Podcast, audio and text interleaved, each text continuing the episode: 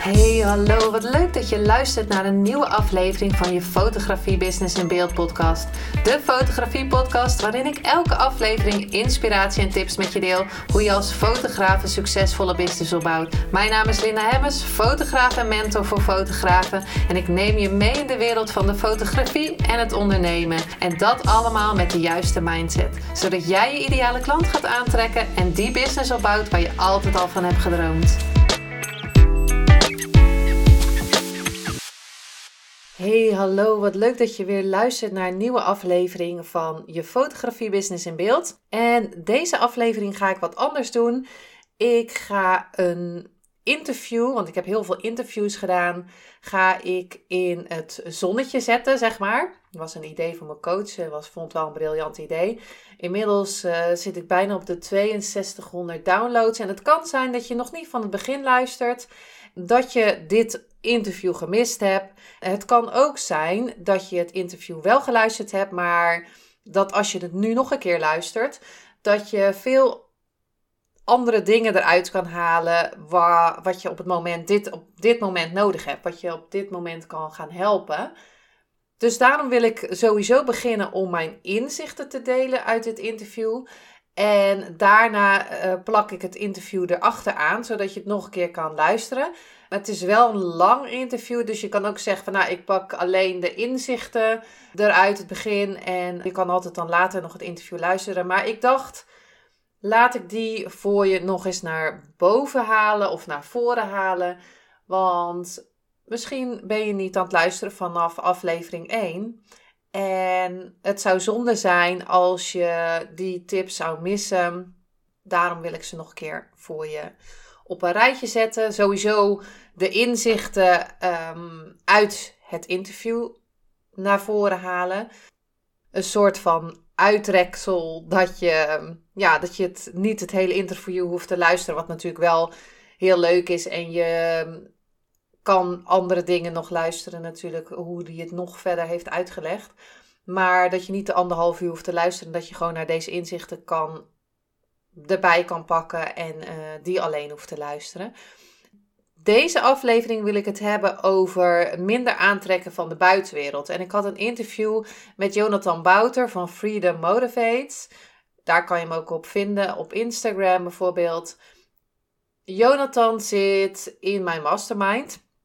En hij is uh, mindset coach en hij coacht vrouwelijke ondernemers zodat ze zich minder gaan aantrekken van de buitenwereld en zodat ze meer naar zichzelf gaan kijken. En eigenlijk doen wij hetzelfde. Hè? Ik doe dat meer met fotografie en met, met uh, coaching van fotografen.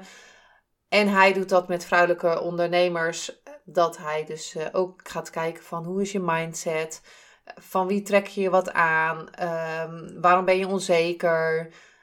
Waarom heb je geen succes? Waar loop je jezelf nou uh, de, elke keer tegenaan? Uh, waar loop je jezelf te saboteren? Daarom wil ik deze inzichten met je delen. En dat je je minder gaat aantrekken van de buitenwereld. En meer gaat kijken wat jij graag wil. En dat zeg ik natuurlijk ook elke keer in de, in de podcast. Wat wil jij graag? Waar word je blij van? Waar gaat je hart sneller van kloppen? Waar krijg je superveel energie van? Waar eh, word je lekker positief van? Waar word je weer blij van? Uh, als je bijvoorbeeld de hele dag gewerkt hebt, als je dat leuk vindt eh, of niet leuk vindt, maar waar, waar je echt nog wel uh, je helemaal in kan verliezen. Daarom wil ik deze inzichten met je delen. Het zijn er, even tellen op mijn blaadje, een stuk of twaalf. Als je het interview gaat luisteren, dan zal je. Ja, hij, hij zegt ze door het interview heen en met wat, wat extra uitleg erbij. Dus als je dat tof vindt, luister dan zeker daarna het uh, interview. Nou ja, ik begin bij de, bij de eerste. Ga van binnen naar buiten en niet van buiten naar binnen. En wat bedoelt hij daarmee? Dat je mag gaan kijken wat zit er in jou. En niet de hele tijd de buitenwereld uh, pleasen van wat mensen van jou verwachten, maar wat wil jij? Wat zit er binnen in jou wat naar buiten mag komen, wat gezien mag worden? Je mag je masker gaan afzetten en gaan zeggen wat, wat jij tof vindt, wat uh, jou inspireert, wat, wat jij goed voor iemand kan uh, doen, waar jij blij van wordt. En dan ga je van binnen kijken in jezelf, wat zit daar nou? Wat, wat wil ik en waar kan ik iemand uiteindelijk mee helpen? Maar wat als eerste, wat wil ik? En dat je niet gaat kijken van uh, wat je baas wil, wat je man wil, wat je kinderen willen, wat je buurvrouw wil, wat je weet ik veel wie wil. Maar wat je volgers online zeggen over jou dat je moet doen. Je mag niet te veel posten. Je mag niet te uitbundig zijn. Je mag niet te sexy zijn. Je mag niet wat, wat, wat dan ook, hè. Maar dat je van binnen gaat kijken van... hey, wat wil ik nou? Wat wil ik uitstralen? Wat, welk masker hou ik eigenlijk op om die vriendin te pleasen? Terwijl ik eigenlijk misschien denk van... nou, ik wil wel zin om dit of dit te zeggen. En dan zeg ik niet dat je dat lelijk moet zeggen of zo. Maar gewoon uit liefde van... hey, uh, ik zie dit wat ik niet fijn vind. En dat je ook echt gaat zeggen van wat het voor jou voelt. En je gevoel gaat delen en je kwetsbaar opstellen. En dat is van binnen naar buiten, wat natuurlijk ja, best wel eng is. Althans, ik vond dat altijd best wel uh, eng. Maar uh, het heeft me zoveel gebracht om uiteindelijk binnenin te gaan kijken en dat uit te gaan spreken. En er zullen mensen zijn die dan niet meer bij je passen. Dat kan. Er zullen mensen zijn die denken van nou ja, dat is niet wat ik wil, omdat je altijd hebt gedaan wat zij leuk vinden. Maar dat is ook oké. Ik geloof echt dat mensen een bepaalde tijd naast je lopen omdat jij dat nodig hebt, omdat die ander dat nodig heeft. En als dat niet meer matcht of als iemand naar een ander level gaat, of andere dingen gaat doen, dan past dat niet meer en dan komen er andere mensen weer op je pad. Dus ga van binnen kijken en haal dat naar buiten en ga niet de buitenwereld naar binnen halen en uh, jou vertellen wat, wat je mag gaan doen. Tuurlijk kan je altijd naar adviezen luisteren hè, van iemand. Uh, luister altijd naar adviezen van mensen die het al eens gedaan hebben of die succesvol zijn of die uh, vaker hebben gepost op Instagram. Bijvoorbeeld als je meer wil weten over Instagram. Of die bepaalde dingen hebben gedaan. En niet naar adviezen van mensen die het niet doen. Want die, uh, ja, daar kan je niet uh, van leren. En dat advies hoef je ook niet aan te nemen natuurlijk. En de tweede is geniet van het pad dat je nu aan het bewandelen bent. Waar jij nu bent, daar hoor je ook te zijn. En misschien is dat nu niet heel leuk of denk je van, ja, waarom, waarom werkt het niet? Maar dit is het pad wat je mag bewandelen, want daarachter ligt groei. Ik weet het, het is vaker gezegd en misschien denk je van, nou, uh, ja, uh, ik voel het niet. Maar als je echt gaat kijken van binnen, ga je zeker voelen van dit is wat ik leuk vind. En als je gaat genieten van het pad wat je aan het bewandelen bent. Bijvoorbeeld net uh, was ik een factuur aan het maken. En dan bedank ik mijn klant dat zij, en dat, dat doe ik gewoon in, mijn hoofd of hardop achter mijn computer, van dank je wel dat je die bestelling hebt geplaatst. Dank je wel dat jij in mijn business hebt geïnvesteerd. Om, nou, om het zo maar even te zeggen. Dank je wel dat jij mijn, voor mijn service betaalt. Dank je wel dat je extra beelden bij bestelt. Uh, dat kan ook zijn, dankjewel dat je coaching bij mij doet. Of dankjewel dat je een bepaald, bepaalde training uh, bij mij koopt. Dus ik, als ik een factuur maak, dan bedank ik ook degene die die factuur gaat betalen. En als ik een, zelf een factuur ga betalen, dan bedank ik ook mezelf dat ik de factuur kan betalen ik geniet ook echt van het pad dat ik aan het bewandelen ben. En uh, geloof me, het is niet altijd zo. Ik ben zelf nu heel diep uh, in uh, persoonlijke ontwikkeling bezig. Waardoor ik best wel wat schaduwkanten van mezelf aan het aankijken ben. Wat heel veel energie kost om ja, nog naar buiten te gaan. Dus ik zit echt nu van binnen. En uiteindelijk um, ben ik dat nu aan het omarmen en aan het aankijken.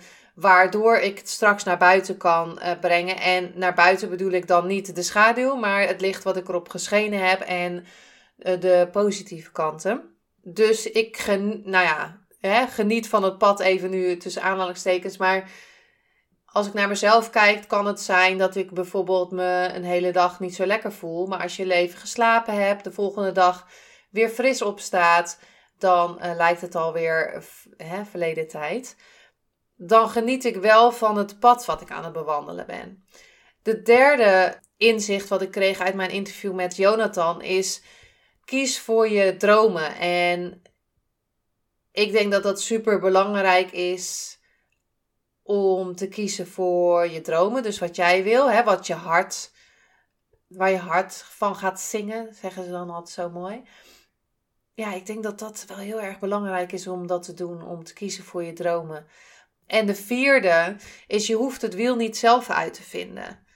Zoek gelijkgestemden, leer van anderen en van uh, motiveer elkaar. En dat is bijvoorbeeld de podcast die ik opgenomen heb over die mastermind. Dat Jonathan ook in mijn mastermind zit na het Tony Robbins uh, event. Is wij inspireren en motiveren elkaar. En wij zijn gelijkgestemden. Wij spreken eens in de zoveel tijd af. En dan gaan we elkaar echt helpen om uh, verder te komen. En wij zijn, hè, we zijn gelijk gestemd omdat we allemaal Tony Robbins hebben gedaan. We hebben bijna allemaal een business.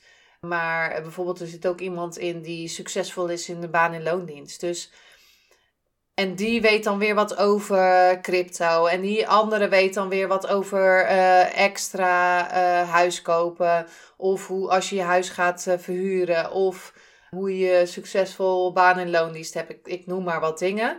Je hoeft het wiel dus niet zelf uit te vinden. Ga mensen opzoeken die gelijkgestemden zijn. En doe of wat maar voor mij part een oproepje of zo. Of ga kijken in groepen op Facebook waar gelijkgestemden zijn. Zodat je daarmee kan uh, connecten. En ik heb bijvoorbeeld ook uh, wel eens een um, buddy gehad. Uh, en dat is dan de ene keer was het voor mijn podcast. De andere keer was het een buddy voor money mindset. De andere keer was het een buddy, gewoon een business buddy. Dus ik, en, en net zoals met die buddies, dat loopt een tijdje en dan uiteindelijk ga je allebei een kant op en dan is het oké. Dan kan je weer een andere buddy zoeken. De volgende, nummer 5, is de buitenwereld. Dus een reflectie van je binnenwereld. En als je je binnenwereld, dus in jezelf, in je hoofd, in je mind, in je mindset, als je je binnenwereld gaat aanpassen, verandert je buitenwereld.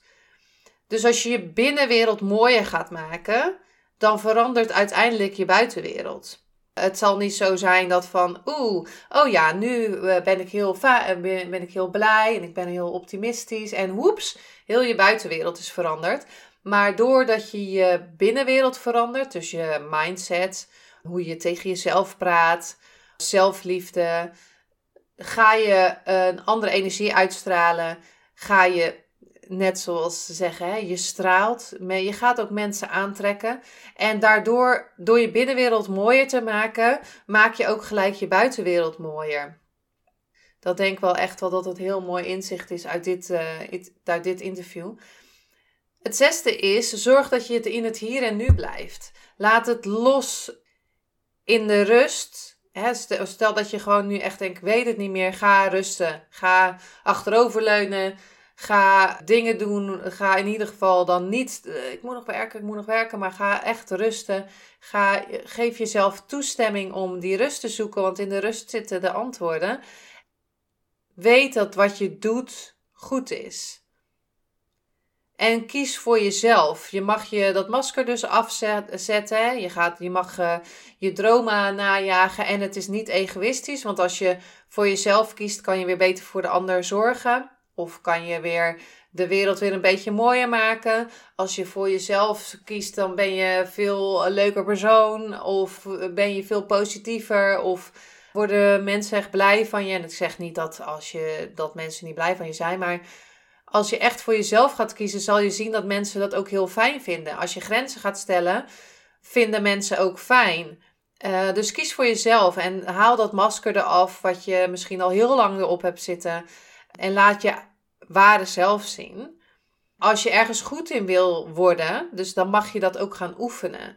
Dat is met het masker ook ze afzetten. Dan kan zijn van dat je het masker afzet, maar dat het soms nog eens opgaat. Of het kan zijn dat je begint met je mindset veranderen of je affirmaties. En, en je doet dat één keer in de week. En doe het dan um, ehm, 30 weken lang of zo, ik zeg maar wat, als je het één keer in de week doet.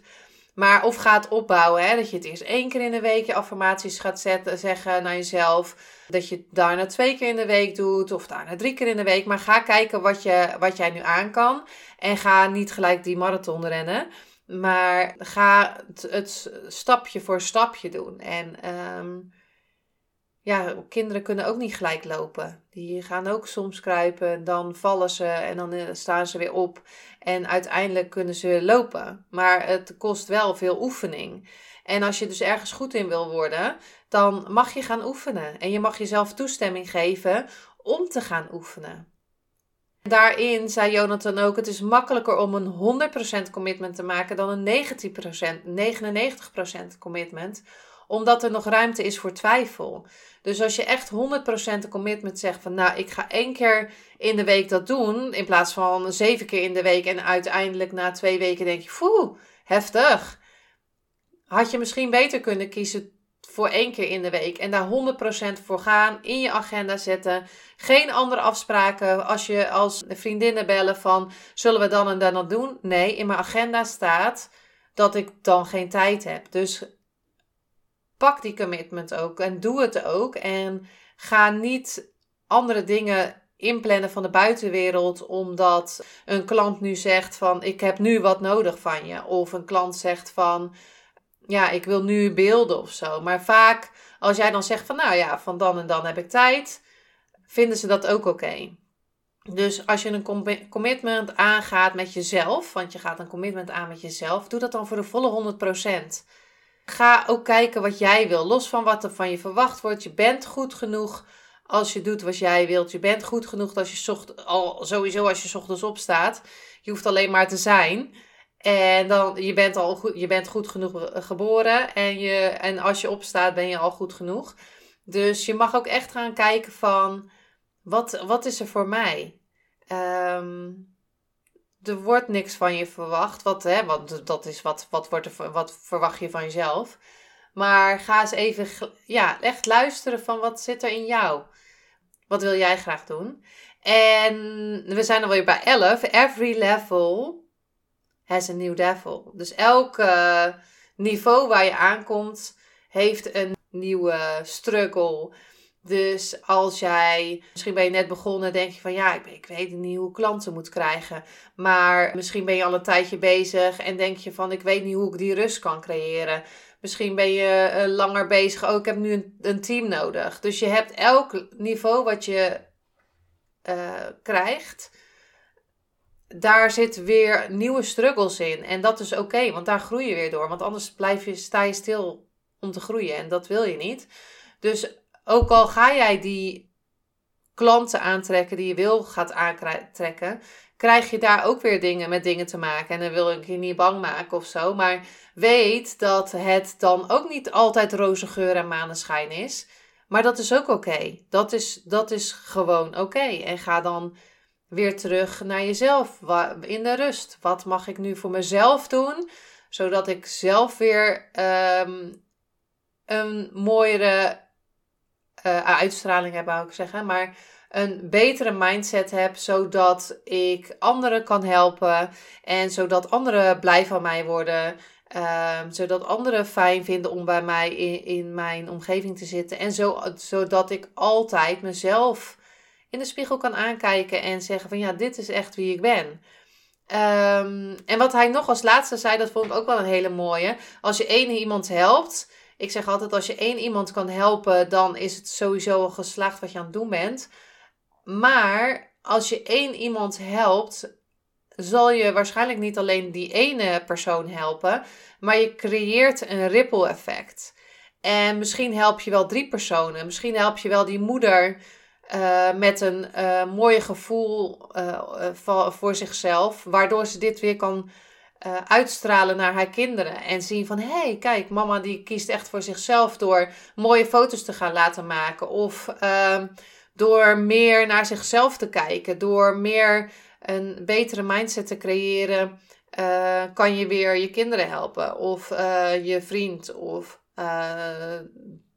weet ik het. Maar ehm, een voorbeeld bijvoorbeeld, ik kreeg van iemand een, ehm, een, een boek, een money mindset boek. Um, en ik helemaal blij met dat boek, want ik dacht, ja, super tof, dankjewel dat je het hebt uh, gegeven, super blij mee. Maar omdat ik dat boek had gegeven, kon ik dat weer als tip geven aan iemand die in mijn, uh, in mijn coachingsgroep zit. En waardoor zij het nu aan het lezen is. Dus je krijgt een soort ripple effect uh, als je één iemand helpt. En uh, daardoor kan ik het weer doorgeven. Ja, dit, dit waren sowieso al de, de inzichten. Dus ga van binnen naar buiten en niet van buiten naar binnen. Geniet van het pad dat je aan het bewandelen bent. Kies voor jouw dromen. Je hoeft het wiel niet zelf uit te vinden, zoek gelijkgestemde. De buitenwereld is een reflectie van jouw eigen binnenwereld. Door je buiten, binnenwereld aan te passen, verander je je buitenwereld. Zorg dat je in het hier en nu blijft. Ik bedoel, je kan wel terug naar het verleden of naar uh, de toekomst van hoe komen die klanten wel, maar je bent in het hier en nu, dus je weet niet wat er volgende week gebeurt. Alleen maar door je mindset te veranderen, door positief te zijn en te kijken wat er in jouw hart zit, ga jij je buitenwereld veranderen. Dus zal je ook je toekomst veranderen. Eh, kies voor jezelf. Als je ergens goed in wilt worden, dan moet je oefenen en jezelf toestemming geven om te oefenen. Makkelijker om die 100% commitment te maken dan die 99. Dat je nog net een deurtje open laat staan om het toch maar niet te doen. En uiteindelijk helemaal niet meer te doen. En uiteindelijk 50% en dan nul. Ga goed kijken wat jij wil, los van wat, je, er van je verwacht wordt. Je bent al sowieso goed als je op, s ochtends opstaat. Elk niveau zal weer een nieuwe struggle uh, geven. Nou ja, hè? als je dat weet, dan uh, uh, kan je daar ook op voorbereid zijn. Als je één iemand helpt, dan creëer je een ripple effect en help je misschien wel drie of meer personen. Dus dat is uh, wat ik uit het interview met Jonathan heb gehaald.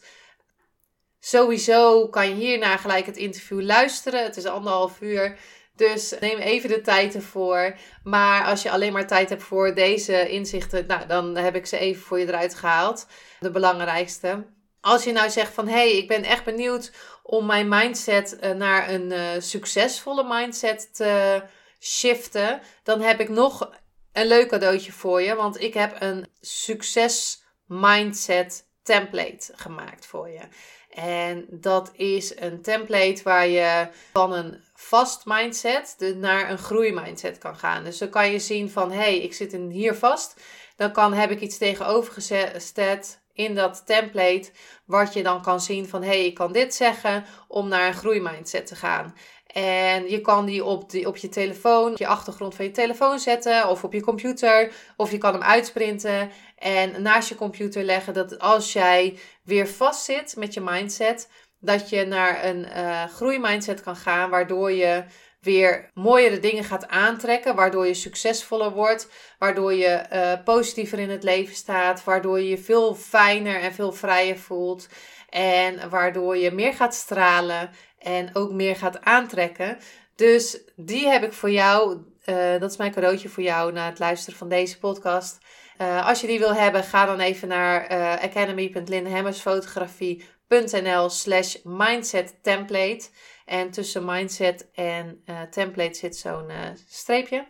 Als je denkt van, wat zeg je nou weer voor link? Deze heb ik ook in de show notes gezet. Dus dan kan je hem ook daar downloaden. Ga zeker het interview luisteren wat ik met Jonathan had. Als je hem al geluisterd hebt, zoals ik al zei, weet dat je er nu andere dingen uit gaat halen dan de vorige keer. Als je nog niet geluisterd hebt, wens ik je heel veel plezier. Ja, tot de volgende aflevering.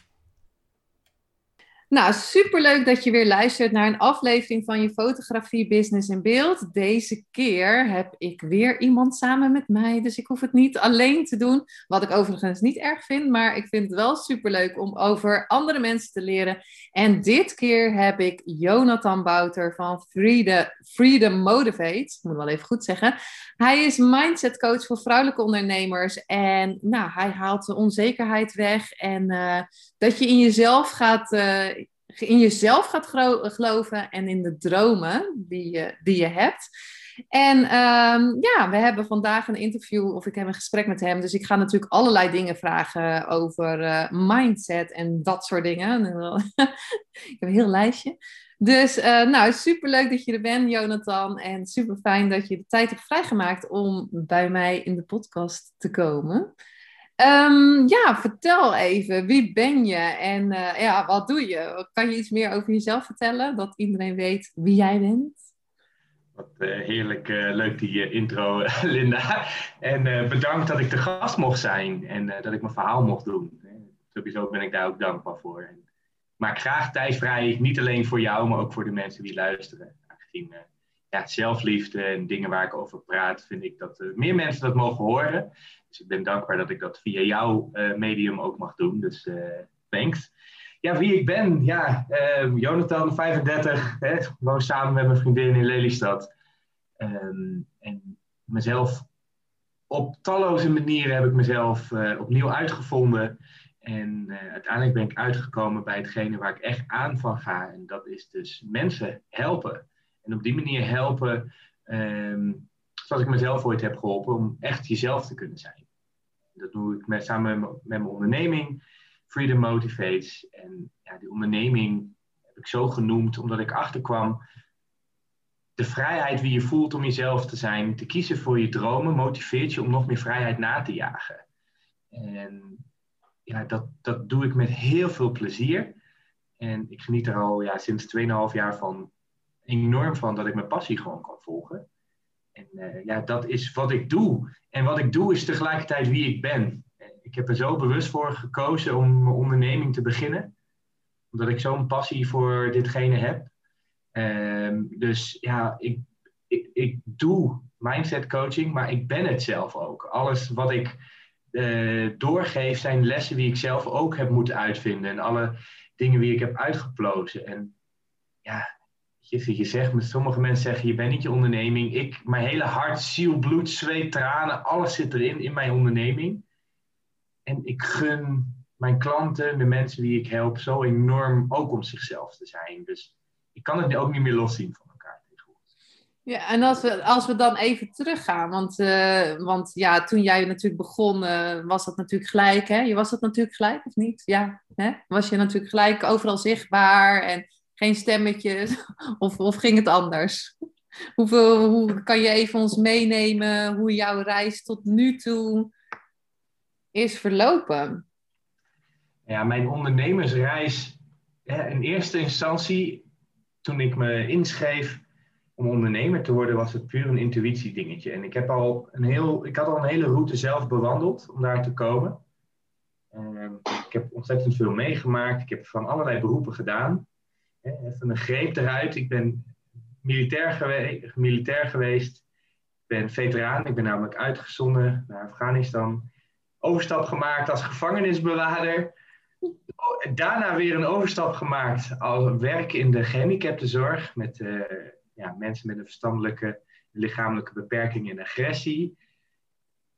Ja, en, en door al die verschillende fases te doorlopen ben ik uitgekomen uh, en, en mezelf ook uitgeplozen van wat vind ik nou leuk? Waar hou ik nou van? Wat vind ik...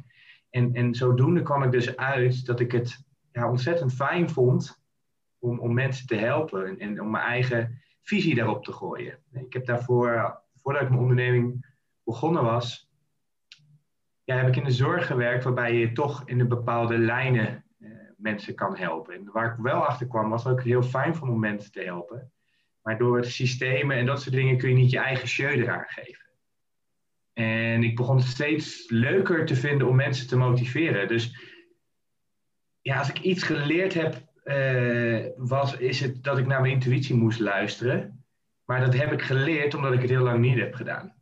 Ja. En toen ik daar eindelijk begon voor te kiezen, toen ik begon te kiezen om mijn eigen pad te bewandelen, ja, voelde ik dus die vrijheid. Wat me, en, en die vrijheid dat zij, dat was mijn intuïtie, die zei, je moet dit blijven volgen. En ik begon op social media, begon ik al, voordat ik mijn onderneming heb, begon ik dus al mensen te motiveren. Ik begon wat dingen te delen, ik begon wat te schrijven. En elke keer omdat ik gewoon het deed wat goed voelde, maakte dat, dat de volgende stap steeds zichtbaarder werd. Ik wist niet hoe, Maar ik volgde gewoon puur en alleen mijn gevoel. En ja, de, de grootste inzicht was toen ik... Ik heb mijn vader mantelzorg gegeven. En mijn vader leidt aan zware depressies. En zodoende probeerde ik eh, meerdere keren dat ik daar was op een dag, probeerde ik hem te helpen om in een andere stemming te komen. En er was een middag dat ik met hem ja, vision boards ging maken. Nou, ik had nog nooit een vision board gemaakt. Ik had nog geen idee eh, hoe je dat moest doen, want het was een vision board waarbij ik oude foto's uit een fotoalbum liet kiezen door mijn vader. En zei: Noem drie positieve dingen bij deze foto. Noem drie positieve dingen bij die foto. En die dag voelde, die, voelde hij zijn depressie enorm. En terwijl we bezig waren en hij die dingen erbij zei, uh, schreef, voelde dat ontzettend goed voor hem. En hij begon op te knappen die middag. En toen we klaar waren, hadden we een heel bord met allemaal oude foto's met door een tijdlijn van vroeger. Waarbij hij ook zei, ja, mijn leven is eigenlijk ook niet zo slecht. En ik heb heel veel mooie dingen meegemaakt. En eigenlijk was dat... Ja, ik, die dag stond ik gewoon te doen wat ik moest doen. Voordat ik het wist dat ik het moest doen. ik stond daar bij mijn vader in die woonkamer en, en hij kreeg gewoon een lach op zijn gezicht. En die dag was in depressie minder erg. En ik reed toen naar huis. En ergens kwam dat stemmetje intern in die auto. Hier moet je meer mee doen. Het was ik die vanuit mijn intuïtie, vanuit mijn gevoel gewoon dacht: hoe kunnen we dit doen? En mijn hoofd maakte allemaal verbindingen en, en ik weet niet hoe ik erop kwam, maar ik deed het gewoon. En dat voelde zo goed dat ik zelf kon kiezen hoe ik iemand kon helpen. In dit geval was het ook nog mijn vader, wat het extra mooi maakte. Ja, en zonder blikken of blozen en zonder na te denken, dat ben ik dan, ben ik gewoon gaan inschrijven als ondernemer en gewoon gezegd, je weet niet hoe ik moet doen, ik wist niks van ondernemen, maar ergens zei iets in mij, dit moet je gewoon gaan doen. En ja, ik was dus al mensen aan motiveren online. Dus eigenlijk dacht ik, pak dat gewoon door, maar nu doe ik dat als ondernemer. Ja, want het is misschien wel heel grappig om te vertellen. Wij kennen elkaar sinds vorig jaar in juli, juli 2020, althans kennen. We hebben samen Tony Robbins gedaan. Dat was voor mij de eerste keer Tony Robbins en het was uh, virtueel. Daarna heb jij ehm, Um, had je een oproepje neergezet van hey, wie is er uit Nederland? Uh, gelijkgestemde wil ik graag in contact komen. En toen uh, hebben, ja, heb jij een mastermind opgezet en uh, zitten we al bijna een jaar zit ik in jouw mastermind. En spreken we elkaar om de zes, of om de zes weken, om de twee weken of zo. En ik denk dat we met twaalf zijn gestart en uiteindelijk nu met zes over of zo. En uh, nou ja, afgelopen zondag heb ik Jonathan voor het eerst live ontmoet. We hebben de hele dag gekletst en dat is superleuk. Dus ik weet al heel veel dingen. Um, en ja, dat vind ik super mooi, jouw verhaal hier in de podcast uh, te delen. Want ja, ik denk dat het een heel mooi verhaal is. Maar uh, en, en toen jij had ingeschreven, heb je daarvoor, heb je daarna, ging je dan bepaalde dingen doen? Dat je inderdaad Tony Robbins ging doen? Of of hoe ging dat verder? Nou ja, ik had me eigenlijk ingeschreven. En toen kwam ik pas in de wereld van ondernemen eh, pas terecht. En ik had het geluk gehad dat Ilko de Boer, dat is een eh, best wel grote ondernemer in Nederland, voor, voor de mensen die het nog niet kennen. En, in die tijd gaf hij nog seminars, driedaagse seminars. En ja, eigenlijk had ik het geld niet, maar ik dacht, ik doe het gewoon. Ik, ik, ik, ik, ik, weet, ik weet niet wat ik aan het doen ben als ondernemer. Het enige wat ik weet is dat ik deze missie heb om mensen te helpen, maar ik heb geen idee hoe ik dat moet omzetten in geld. Ik voel gewoon dat ik dit moet doen. En ja, toen ben ik naar een driedaagse seminar geweest. En dan zit je opeens met 300 andere ondernemers, dromers, wereldverbeteraars. En waaronder ook Ilko de Boer, wie dit al meer dan 20 jaar doet, uh, te leren over ondernemerschap. En toen ging er een wereld voor me open. En ja, I was hooked, was verslaafd. En dat niet alleen. Ik kwam erachter dat, dat, dat ehm, ondernemerschap eenzaam is. En dat je gelijkgestemde nodig moet hebben. Dus dat, dat ik twee jaar later hè, met jou een mastermind ben begonnen. ja, dat had ik toen daar, was het zaadje al gepland van wauw, je hebt meer van dit soort mensen nodig. Wie weten wat ze doen, wie het wiel, je hoeft het wiel niet zelf uit te vinden. Ehm, in het begin wilde ik dat eerst nog allemaal zelf, maar later kwam ik erachter, ja, dat, dat, dat, dat werkt niet. Er zijn zoveel mensen, zoveel valkuilen waar je uit kan blijven door te kijken en te leren van andere mensen en door elkaar ook te motiveren. Ja, en daarnaast kwam erachter dat ondernemers mijn mensen zijn. Weet je, ik heb, en, en dat klinkt misschien raar, en, of misschien eh, helemaal niet raar voor mensen die hetzelfde voelen. 31 jaar lang, echt serieus, 31 jaar lang heb ik het gevoel gehad dat ik nergens bij hoorde. Gewoon nergens. Ik ben, ik, ik ben in mijn geval uh, een apart geval voor heel veel mensen in mijn omgeving. Ik ben anders, ik denk anders, ik leer anders, ik ben altijd rete nieuwsgierig geweest. Ik was al jaren podcasts aan het luisteren, maar niemand in mijn omgeving was zichzelf zo aan het ontwikkelen op die manier zoals ik aan het doen was.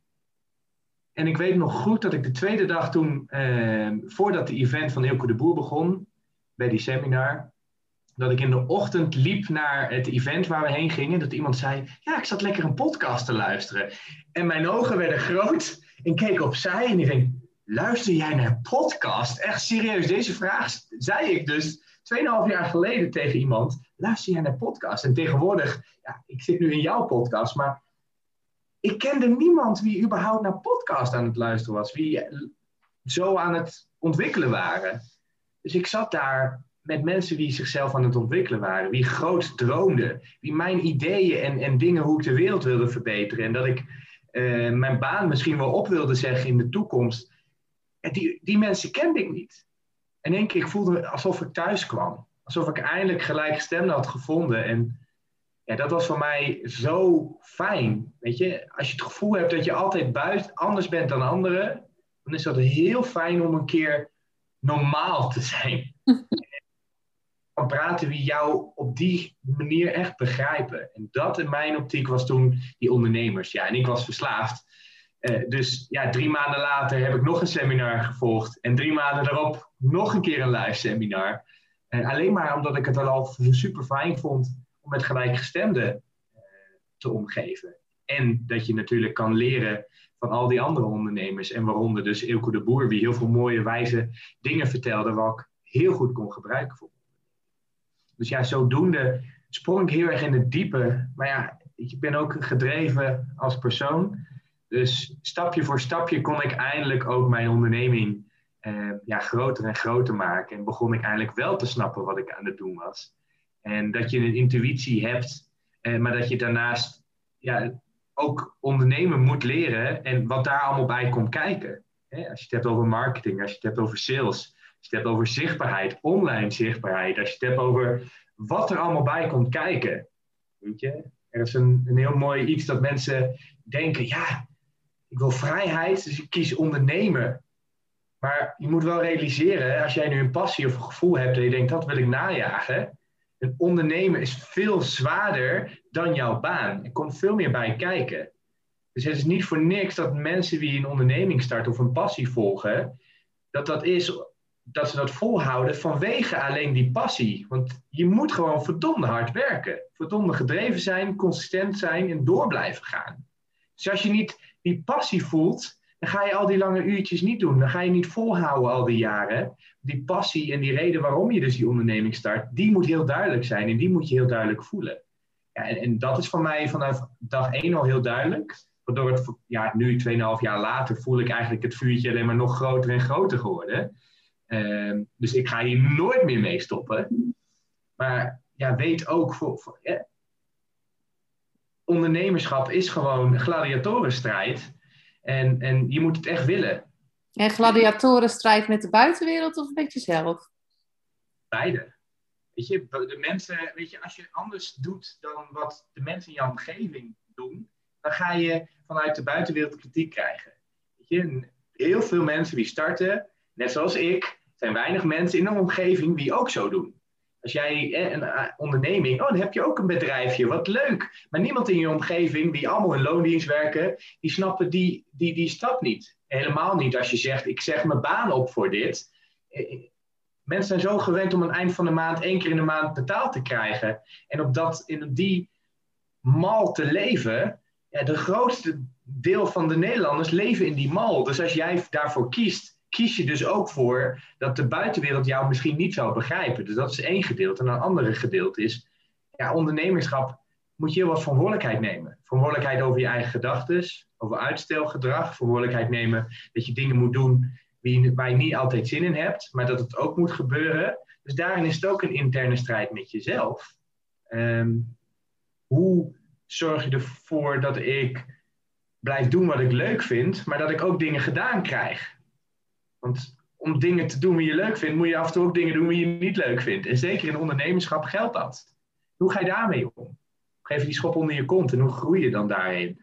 Maar voor iedereen is dit anders. Dus het is een interne strijd, maar ook de strijd met de buitenwereld op sommige momenten, als je daarvoor kiest. Maar ja, voor mij was het een makkelijke keuze.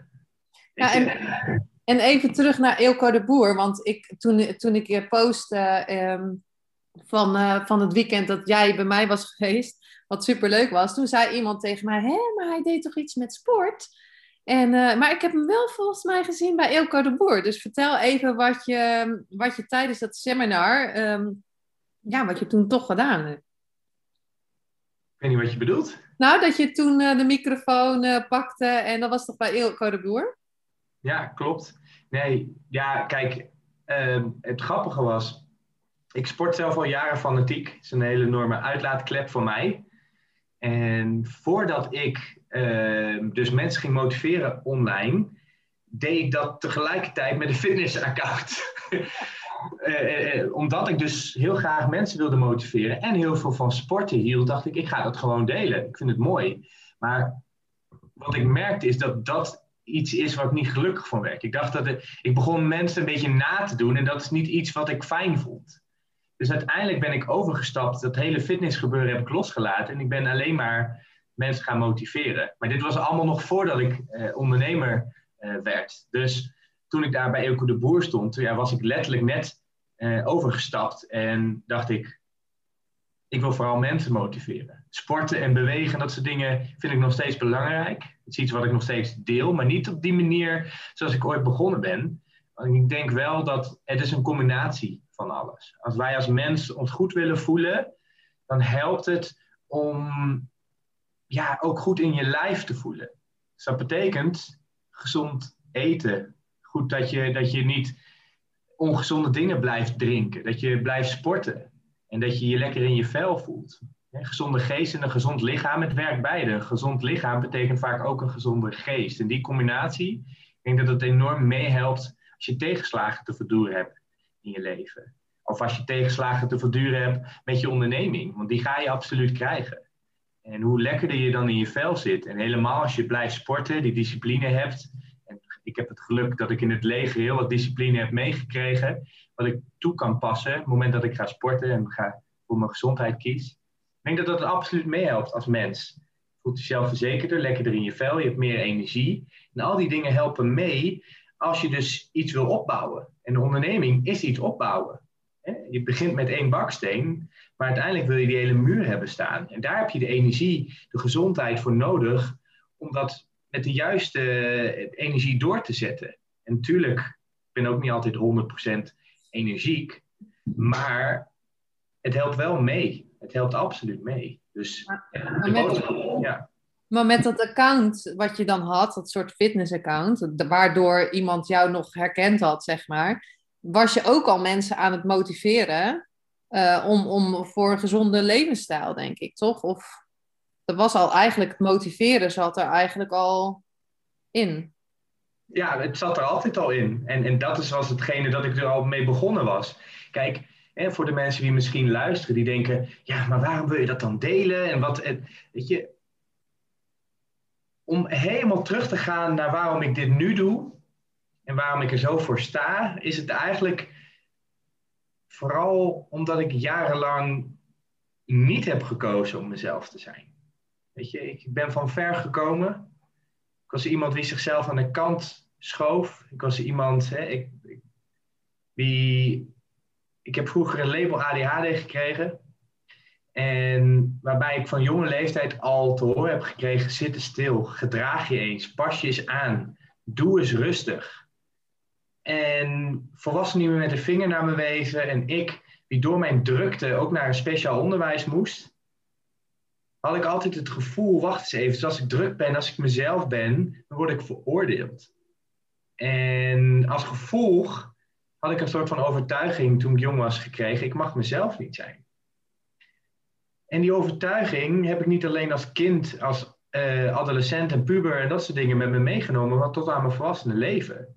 Dus wat mensen wie nu luisteren denken, ja, waarom deel je dit allemaal? Omdat ik jarenlang mezelf juist niet was. Omdat ik jarenlang juist niet mijn gevoel volgde. Dat ik een masker op deed, omdat ik dacht dat als ik dat masker droeg, als ik mezelf aanpaste, als ik geen kritiek zou krijgen van de buitenwereld, ja, dan accepteren mensen mij of houden ze van me. En totdat ik erachter kwam dat ik juist daardoor mensen afstootte. Dat ik mensen buiten hield. Of de mensen die van mij hielden of mij accepteerden, hielden van mijn masker en niet van wie ik was. En toen ik heel, heel, heel, heel ongelukkig en eenzaam was, niet van mezelf hield, iedereen afstoten, dacht ik, dit is niet, dit is niet de weg. Dit is niet, niet waar ik gelukkig van word. En vanuit die donkere, donkere, donkere kamer, die donkere put, of hoe je het ook kan noemen, voor... toen begon ik mezelf omhoog te krabbelen. Toen begon ik erachter te komen van dat masker, jongens, dat, dat, daar heb ik niks van. Daar heb ik niks aan. Daar word ik niet gelukkig van. Dat masker waarvan je denkt dat je geen kritiek gaat krijgen door de buitenwereld, daar word jij zelf niet gelukkig van. Want dat betekent dat jij je aanpast, dat je constant bezig bent met de buitenwereld. En dat je constant maar in je hoofd zit, hoe moet ik me gedragen? Wat moet ik zeggen? Ben ik wel genoeg? Vinden mensen mij wel leuk? En, en wat doe je dan? Je bent niet jezelf. Die, die, die, prachtige energie als mens komt dan niet naar buiten, wie jij echt bent. En je geeft andere mensen niet de kans om jou te zien, want je bent onzichtbaar. Je, ja, als je jezelf bent kun je gekwetst worden, maar in mijn optiek, en dat weet ik nu uit jarenlange ervaring, heb ik liever dat mensen niet van me houden voor wie ik echt ben, maar dat ik tegelijkertijd wel mensen heb die wel echt voor mij kiezen voor wie ik echt ben. Dat is veel mooiere liefde. En, maar om daar te komen moest ik eerst mezelf accepteren. mezelf heel hard aankijken en zeggen: het masker heb je niet nodig, je bent genoeg, Jonathan. Je mag er zijn en je mag van jezelf houden de, de buitenwereld is een reflectie van je binnenwereld.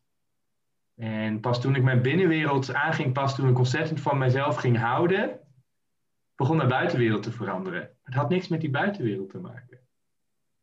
Hetgene waar jij ongelukkig, onhappy voor bent, en, en of het nou privé of zakelijk is, pas je binnenwereld aan. En grote kans dat de buitenwereld dan mee gaat, gaat veranderen. Als jij negatieve mensen in je omgeving hebt en je bent niet gelukkig, je hebt een klote baas en enzovoort en al die dingen die allemaal echt zijn, pas je binnenwereld aan en ga kijken of die buitenwereld nog hetzelfde is. 9 van de 10 keer is dat echt niet zo. En natuurlijk gebeuren er echte dingen. Natuurlijk zijn er vreselijke mensen die ook in je omgeving zitten en soms zelfs de mensen waarvan je houdt. Geloof me. Ik heb een vader die al 20 jaar zwaar depressief is. Dat zuigt een lading energie. Maar ook daarin kun je met jouw binnenwereld zorgen dat je jezelf beschermt voor die buitenwereld. En daar kom ik dus achter. Je? En, en, toen mijn binnenwereld steeds mooier begon te worden, toen ik voor mezelf begon te houden, ja, toen was het ook van jongens, ik accepteer mezelf, maar die buitenwereld moet me ook maar accepteren. En, en die, stap had ik, die stap had ik al jaren voordat ik mijn onderneming was begonnen, al gemaakt. En dat maakte dat waar mensen vaak tegenaan lopen, en ik spreek heel veel andere ondernemers, die zeggen, ja, ik wil graag beginnen, maar ik vind het eng. Of ik, wil, ik vind het lastig om mezelf te zijn. wie moet ik zijn? Of wat moet ik delen? Hoe moet ik mijn product verkopen? Hoe zet ik mezelf eh, op de markt? Of al die vragen, ja, die had ik mezelf al jarenlang uitgepluist. Want ik heb me jarenlang aangepast en dat wilde ik niet meer. Dus heel natuurlijk ben ik dus naar die fitnessaccount gegaan. Ik denk, dit voel ik fijn. Ik wil mezelf delen wil mezelf zijn. Weet je, en dat had niks met de buitenwereld te maken. Nee. En ja, toen dacht ik, dit voelt niet juist. Wat wil ik nu? Ja, ik wil echt mensen motiveren. Nou, weg met die fitnessaccount. Ik ga gewoon mensen motiveren door wat ik te vertellen heb. Door, vanuit die motivatie. Toen kwam dat stukje met mijn vader. En toen dacht ik, ik moet hier, ik mag nog meer mensen helpen. Ik ga mijn onderneming starten. En heel natuurlijk koos ik gewoon voor mezelf. Omdat ik dat jaren niet heb gedaan. Mooi. Ja, super mooi. En, en ehm, want je, wat, wat doe, hoe doe jij je coaching nu precies? Uh, kan je daar een beetje meer over vertellen wat je dan precies doet? Want je woont uh, dicht bij de Oostvaardersplassen. Toch? Ja, dat klopt. Die plassen. Ja. ja. dus misschien kan je daar iets meer over vertellen. Wat, wat ga je dan precies doen? Nou ja, ik heb verschillende dingen waarbij ik nu mensen help. Hè. Online programma's, ik geef live trainingen en, en trajecten. En wat ik, wat ik belangrijk vind, en dat is hoe ik bij, bij coaching het ook zie. Heel veel mensen leven met één been in het verleden. Met wat ze mee hebben gemaakt. Dit is mijn verhaal, dit is mijn trauma, dit is, dit, ik ben vroeger gepest, of dit is wat mijn ouders van me verwachten, of wat dan ook. Of, en, en, en waardoor mensen het geluk van nu vergeten. Of dat ze een slachtoffer zijn. Of dat ze constant die energie of die pijn in alles wat ze meenemen van vroeger. Dat verhaal, dat zeg ik nee, zet been uit het verleden en naar het hier en nu.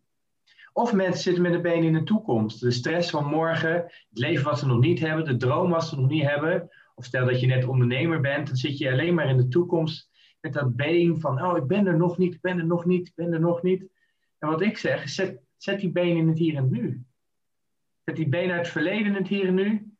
Die been uit de toekomst, terug naar het hier en nu. En, en wie ben jij nu? Wie ben jij nu echt? En die bewustwording creëer ik om, om mensen terug te gaan naar de kern. En heel af en toe, wat ik dan zeg, is vanuit het hier en het nu, met een klein teentje eventjes naar de toekomst. Waar wil je heen? Wat zijn je dromen? Wat zie je voor je? Wat maakt jou gelukkig als je kijkt naar de toekomst? En dan weer terug naar het hier en het nu. Oké, dit is iets wat jij wat jou interessant lijkt, waar je gelukkig van wordt, is een droom waarvoor je wil gaan. Hoe gaan we dat hier en nu doen? En dat is iets wat ik bij mijn traject, ik heb trajecten van drie of zes maanden, waarbij ik iemand helemaal meeneem. Van hoe zorgen we dat je hier in het hier en nu kan zijn? En hoe kunnen we daarna ervoor zorgen dat hetgene wat je echt wilt, dat je daar vol met zelfvertrouwen voor mag gaan. En het mooie was, toen ik mijn onderneming net begonnen was, ben ik samen met mijn vriendin op reis gegaan in Azië. En ik heb negen maanden door Azië gereisd en mijn onderneming gerund eh, van verschillende landen door Azië heen. En mensen online gecoacht. Maar ja, toen kwam COVID en toen kwam ik weer terug in Nederland. Um, wat aan de ene zijde een einde maakt aan het online in het buitenland mijn onderneming draaien. Maar wat de mogelijkheid dus was dat ik mensen live kon trainen. Aangezien ik dus bij de Oostvaardersplassen woonde. En vorig jaar zomer om één uur s'nachts in mijn bed. Kon niet meer slapen.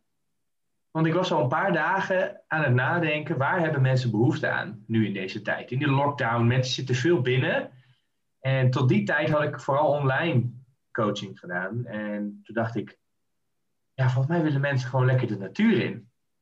Ja, en ik woon vijf minuten van de Oostvaardersplassen. Waarom zou ik niet de Oostvaardersplassen gebruiken?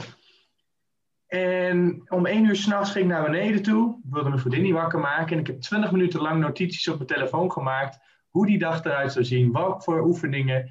Hoe ik mensen in één dag in ieder geval zo ver kon brengen dat ze terug naar een kern gingen. Ja, en, en ik ben gewend om mensen drie maanden te begeleiden. Dus voor mij was het ook, holy shit, dit is ook een uitdaging voor mij. Dus ik begon al mijn kennis na te gaan en, erover na te denken, hoe kan ik dus mensen helpen? En zodoende werd de natuurwandelingen, dus een live een, een, training van vijf uur in de natuur, geboren. Uh, en dat doe ik ook sinds vorig jaar. En het mooie is, de meeste klanten die ik heb, komen allemaal binnen om eerst die training te doen. En dat vind ik wel echt te gek. Uh, om mensen in één dag met vol immersion, gewoon vijf uur lang in de natuur, aandacht met zichzelf, uh, tot diep in de kern te komen, ja, daar geniet ik enorm van. Dus ik ben heel dankbaar uiteindelijk.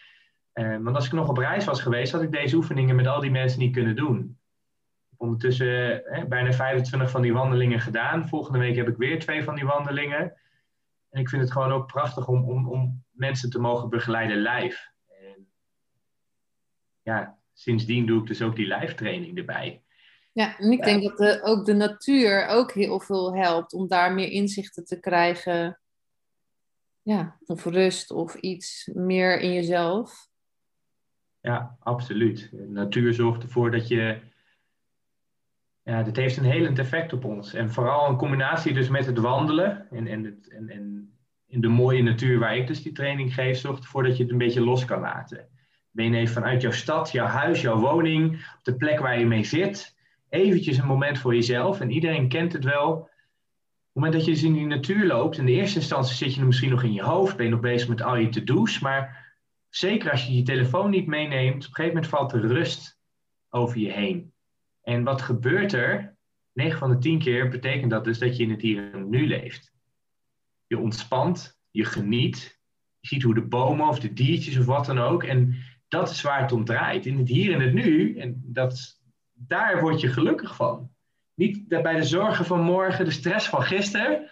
Nee, hier en het nu. En de natuur heeft het effect dat het automatisch gaat. En ja, als je dan ook nog de oefeningen erbij kan doen, ja, dat is, dat is te gek. Dat is echt te gek, ja. Ja, je moet wel de oefeningen doen. Ja, wat ook heel mooi is dat, uh, jij weet precies het aantal, maar volgens mij hebben we tien gedaan of zo, Clubhouse uh, Rooms, samen. Waren het er tien? I don't know. Uh, ja. Oh. ja, we hebben samen Clubhouse gedaan, Rooms gedaan. Het ging over zichtbaarheid. Maar um, niet alleen social media zichtbaarheid, maar ook gewoon in het dagelijks leven.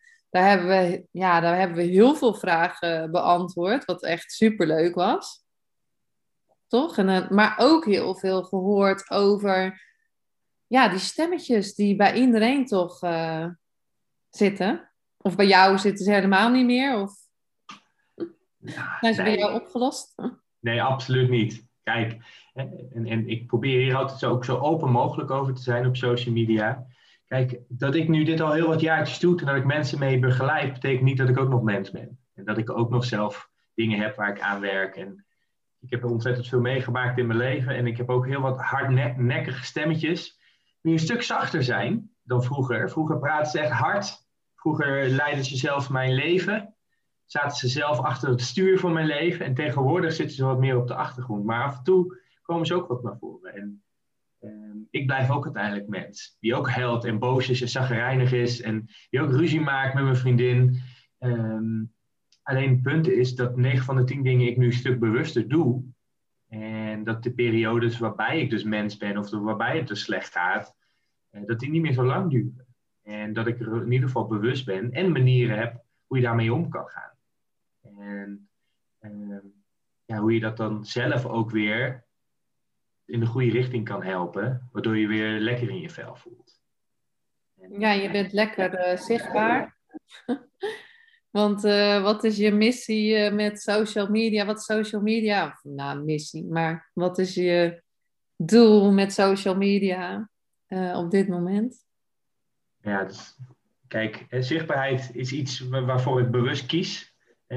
Ik, ik, post veel op social media, maar vooral ook omdat ik het belangrijk vind ik zie gewoon nog te veel mensen die niet bewust zijn van zichzelf. Te veel mensen die ongelukkig zijn. Te veel mensen die een masker dragen, die niet kiezen voor zichzelf of hun dromen.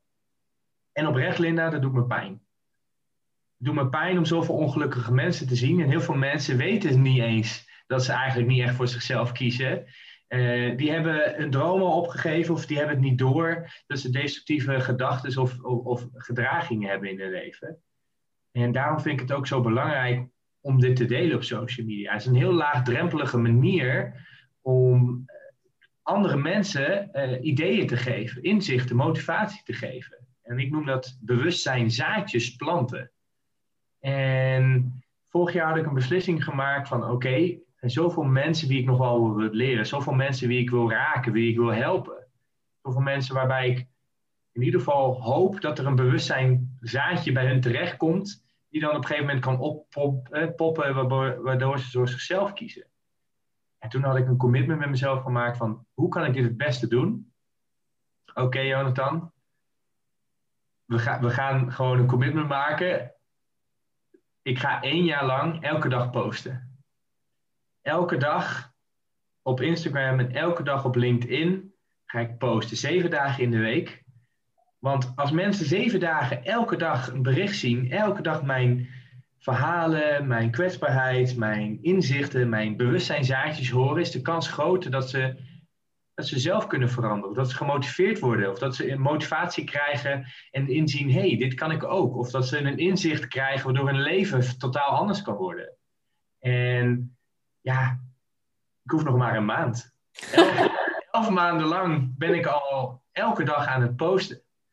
Ehm, en het mooie is, ja, iets wat ik, wat ik iedereen aangeef, iedereen wie ik begeleid, iedereen wie ik spreek, ook via Clubhouse. Als je ergens goed in wil worden, moet je oefenen.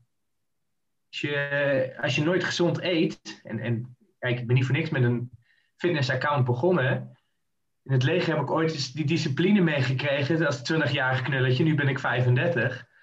Maar wacht eens even, is die discipline, dus die, die, die, dat trainen, dat oefenen, waardoor je ergens beter in wordt. Eet jij nu nooit gezond, ja, op een gegeven moment eh, één keer eet je gezond in de week. En dan twee keer, dan drie keer. Sport je nooit, weet je, eerst is het een kilo uh, gewicht wat je optilt. En voor je het weet is het 10, 20, 30, 40, 50 of wat dan ook, hoeveel kilo, omdat je oefent. En als je een muziekinstrument wilt bespelen, dan klinkt het in eerste instantie nergens naar. Maar voor je het weet, dan ben je vader Jacob, vader Jacob. En dan ben jij die muzikus. En hoe, word je, hoe doe je dat? Door te oefenen. Zo, ga, zo verander je langzaam je leven, zo word je ergens beter in. En door ook te zeggen tegen mezelf, als ik nou een jaar lang ga posten, ten eerste, ik word beter in, in hetgene wat ik te vertellen heb. Ik word beter in mijn stem te gebruiken. Ik word beter omdat ik letterlijk dagelijks met mijn competentie als coach bezig ben. Wat ga ik zeggen? Wat moet ik vertellen? En, ik, ik, en als ik post, ik post geen drie zinnen. Van hoi, eh, hashtag blessed of wat dan ook. Nee, ik wil echt zaadjes planten. Het gaat niet om mij, het gaat om degene wie ik ga helpen, wie ik kan motiveren. Dus, dus ik ben niet iemand die dan drie zinnen uh, post. Want dat is niet degene waarvoor ik die commitment heb gemaakt. En nu ben ik elf maanden verder ja, ik ben heel blij dat ik die uitdaging ben aangegaan. Want ik wilde heel graag beter leren schrijven, beter leren video's maken, beter leren spreken, ehm, creatiever worden. Nou, ga maar, ga maar een commitment aan om, om een jaar lang iets te doen, wat het ook is. Grote kans dat het je gaat helpen. Maar ga alleen maar een commitment aan om het een week te doen, een maand te doen. Grote kans dat jij oefent en dan daar beter in wordt haar commitment aan dat jij deze maand één keer in de week gaat sporten. Grote kans dat over een maand, als je het nooit doet, dat het al een stuk makkelijker is. En zodoende is soms een commitment maken met jezelf, ja, het zorgt ervoor dat je stappen kan zetten. En ik vind dat wel heel belangrijk. Er is namelijk, het is heel mooi als je naar je gevoel kan luisteren en denken, ja, waar heb ik zin in, wat voelt fijn. En, en, en het is heel belangrijk om te leren je gevoel te kennen en te herkennen. Wat heb je nodig? Ga ik mezelf niet voorbij? Maar aan de andere zijde heb je ook een stemmetje wie soms zegt: Ik heb hier geen zin in, daar je helemaal niet naar moet luisteren. En daarvoor zijn die commitments ook wel belangrijk. Want af en toe moet je ook gewoon dingen doen waar je in eerste instantie geen zin in hebt, maar wat uiteindelijk beter voor jou is. Tuurlijk heb ik altijd zin om zeven dagen in de week pizza te eten. Maar het is niet, dat is niet. En er zijn heel veel dagen dat ik geen zin heb om te sporten. Maar wat doe je als je het wel doet? Hetzelfde geldt voor je ondernemerschap. Je, tuurlijk is het makkelijk om die dag eh, lekker te gaan lezen of jezelf te ontwikkelen. Maar welke shit moet echt gebeuren? Soms moet je dat doen, want daar voel je je beter door. Daarvoor ga je die onderneming groeien. En daarvoor zijn die commitments met jezelf ehm, zo belangrijk. Op een seminar van Ilke de Boer zei hij ook iets heel moois. En dat is iets waar ik, wat ik zelf ook leef. Het is makkelijker om een 100% commitment te maken dan een 99% commitment. Want een 99% commitment is er nog ruimte voor twijfel. Als jij tegen jezelf zegt, wend of keert, één dag in de week eet ik gezond. Wend of keert, wat er ook gebeurt, hoe ik me ook voel, één dag in de week ga ik posten. Eén dag in de week, wat hetgene ook is wat je in je leven wil veranderen. Eén dag in de week ga ik mediteren. Ga ik voor mezelf kiezen om te gaan hardlopen. Eén dag in de week ben ik moeder, kies ik om oppas te regelen, waardoor ik even tijd voor mezelf heb, naar spa te gaan of in bad te liggen of wat dan ook. Die commitment, waarbij wat er ook gebeurt, dat je die aangaat, is ontzettend belangrijk. Want als het een 100% commitment is, dan hoef je ook meer geen discussie te maken. Voor mij was het ook een jaar lang ga ik posten. Het is een commitment. Ga ik het wel vandaag doen? Nee, ik ga het gewoon doen. En hetzelfde, op die manier sport ik al jaren, eet ik al jaren gezond, omdat het gewoon een beslissing is. Wat ik zeg, dit is nu deel van mijn leven. En hoe ik me ook ga voelen, uiteindelijk weet ik dat het goed voor me is en daarom ga ik het doen. Want hoe vaak doen wij dingen als we dan een gevoel hebben van ja, dit moeten we doen. En dan lig je aan het eind van je bed, aan het eind van de dag in je bed en zeg je shit, heb ik niet gedaan. Je wilt het wel. Je intuïtie zegt het, alles zegt het en ja, dat doe ik morgen wel. En dan is morgen daar, doe je het ook niet. En uiteindelijk is morgen nooit. Maar wat nou als je een commitment kan maken om je leven te veranderen, je onderneming te veranderen, je gezondheid te veranderen, je relatie te veranderen of wat dan ook? Wat nou als je het koppelt aan een commitment? Van ik weet dat dit belangrijk voor mij is. En ik weet dat als ik aan het eind van de dag naar bed ga of mezelf in de spiegel kijk, dat ik heel anders naar mezelf kan kijken. Want het voelt zoveel lekkerder als je wel in je bed ligt en zegt: Ik heb wel mijn commitment gehouden. Want dat gevoel neem je mee de volgende dag. Hetzelfde als je dat gevoel, als je dat niet hebt gedaan, dat neem je ook mee de volgende dag. En op die manier kun je een positief of een negatieve momentum creëren in je leven. Want als je elke dag een klein beetje iets doet waar je niet zo zin in hebt, maar waar je intuïtie zegt, zou ik eigenlijk moeten doen. Als je dat steeds vaker doet, dan is er een wereld van verschil als jij opstaat en de energie die je dagelijks met je meedraagt.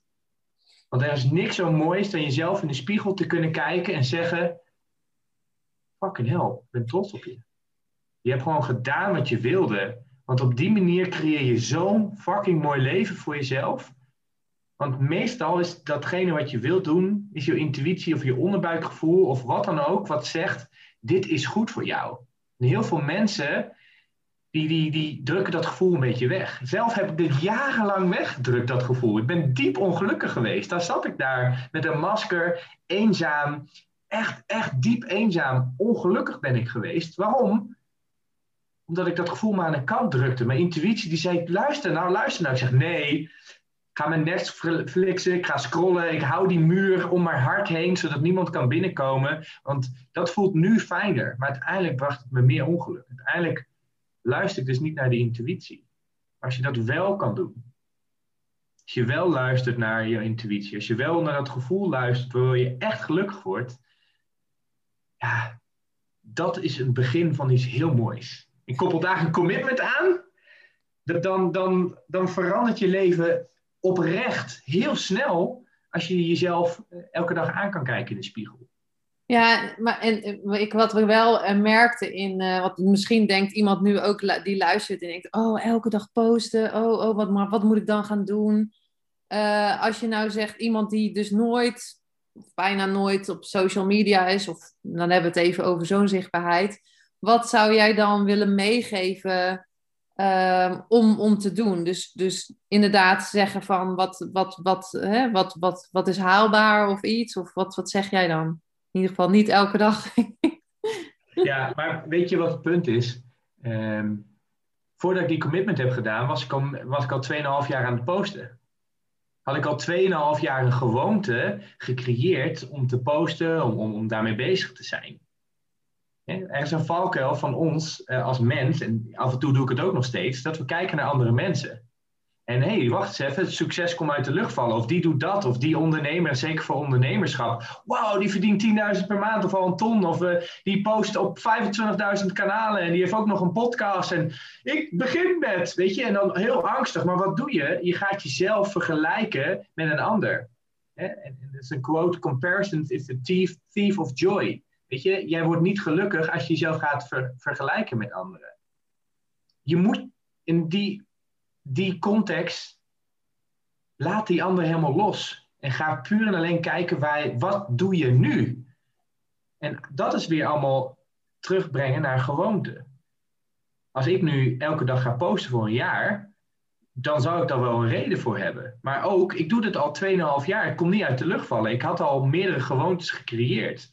Dus dat je je dan weer gaat vergelijken met wat jij nu doet en denkt dat is, dat is veel, omdat je dus weer met mij bezig bent en niet bent aan het kijken wat jij doet. Je moet niet naar mensen kijken wie zeven dagen in de week in een sportschool zitten, wie een afgetraind lichaam hebben, als jij nog nooit een voet in een sportschool hebt gezet. Mensen die heel gezond zijn en, en, en gezond eten en water drinken en, en dat jij dat niet doet, je moet niet naar hun vergelijken. Dat heeft nul zin. Je moet heel realistisch kijken naar waar jij nu zit met jouw leven. Wat jij nu doet. En als dat betekent met social media, wat doe je nu? Als je nu niks doet, dan moet je, kan, je, kun je gaan zeggen: Ja, ik ga ook zeven dagen in de week posten. Maar als je dat nooit getraind hebt, als je dat nooit geoefend hebt, heb je nooit die gewoonte. En you're setting yourself up for failure. Want er is niks zo destructief dan iets willen doen en daarna dus niet doen. Dus aan het eind van de dag weer in het bed liggen en zeggen: Oh shit, oh, het is me niet gelukt. Waarom? Je, je gaat iets proberen vanuit het niets te creëren. Zonder dat je het gewend bent, zonder dat je het hebt ingeïmplementeerd, ingepland of wat dan ook. Het moet een, een nieuwe gewoonte worden. Hetzelfde geldt en met, met online posten of bezig zijn met dingen waar je nog nooit hebt gedaan, zit gewoon een hele psychologie achter. Kijk bruut eerlijk naar wat je nu doet of het nou privé is, of je nou wil sporten, of als je nou wil gaan posten. Wat doe je nu? En ga dan succesmomentjes creëren. En hoe doe je dat? Nou, ga kijken, wat is het minimaal haalbare wat je kunt gaan doen? Wat kan jij minimaal doen? Ja, lukt één keer in de week. En misschien gaat jouw ego dan zeggen, ja, ik kan veel makkelijker, veel sneller. Maar luister niet naar dat stomme stemmetje. Want die ego, die zegt je kan wel 50 keer of 7 keer in de week posten, of 5 keer of 3 keer, als je het normaal nooit doet. Ja, voor je het weet, dan loop je weer achter de feiten aan, lig je weer in jouw bed, loop je weer te zeggen: shit, ik heb weer niet gepost, ik had eigenlijk moeten posten. Negatieve momentum, negatieve gedachten. Je moet zo positief mogelijk reageren. Proberen te, een gewoonte te creëren. Dus wat doe je? Je post één keer, het is me gelukt. Nou, volgende week weer één keer. Het is me weer gelukt. En doe dat een maand. Doe dat twee maanden, doe dat drie maanden. Zeker weet als jij drie maanden één keer in de week gaat posten, dat het veel makkelijker is om dan twee keer in de week te gaan posten. Waarom? Omdat je het gewend bent. Omdat je bouwt op iets. Dat je al een steen hebt liggen en daarnaast kun je makkelijker nog een steen leggen. En op die manier creëer je ook positiviteit. Weet je? je hebt ook een verhaal van mensen die heel veel schulden hebben. En wat dan helpt, is om dan mensen die er meerdere schulden hebben, en dan pak je de kleinste. De kleinste schuld ergens, bij een schuldeiser of wat dan ook. Want dat ga je aflossen. Omdat je dan het gevoel hebt dat je ergens mee begonnen bent. En dat succesmomentje, hoeveel schuld je dan ook hebt, zorgt er weer voor dat je gemotiveerd wordt om nog meer schulden af te betalen. Want je hebt iets gedaan wat, wat een succesmoment is je hebt een deuk in het pakje boter geslagen, maar het is wel iets positiefs.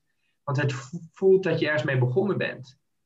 Ja, als je dan één keer post, als je één keer naar de sportschool gaat, als je één keer gezond eet, als je één keer zegt, ik kies voor mijn positieve gedachten in plaats van mijn negatieve gedachten. Als je één keer die stem van je vader of je moeder of die wijzende vriend, die altijd met die goed bedoelde adviezen met, met jou komt, dat je die aan de kant schuift en zegt, ik kies voor mezelf. Begin daar één keer mee. En voor je het weet wordt die één keer, twee keer, drie keer, omdat je ergens opbouwt.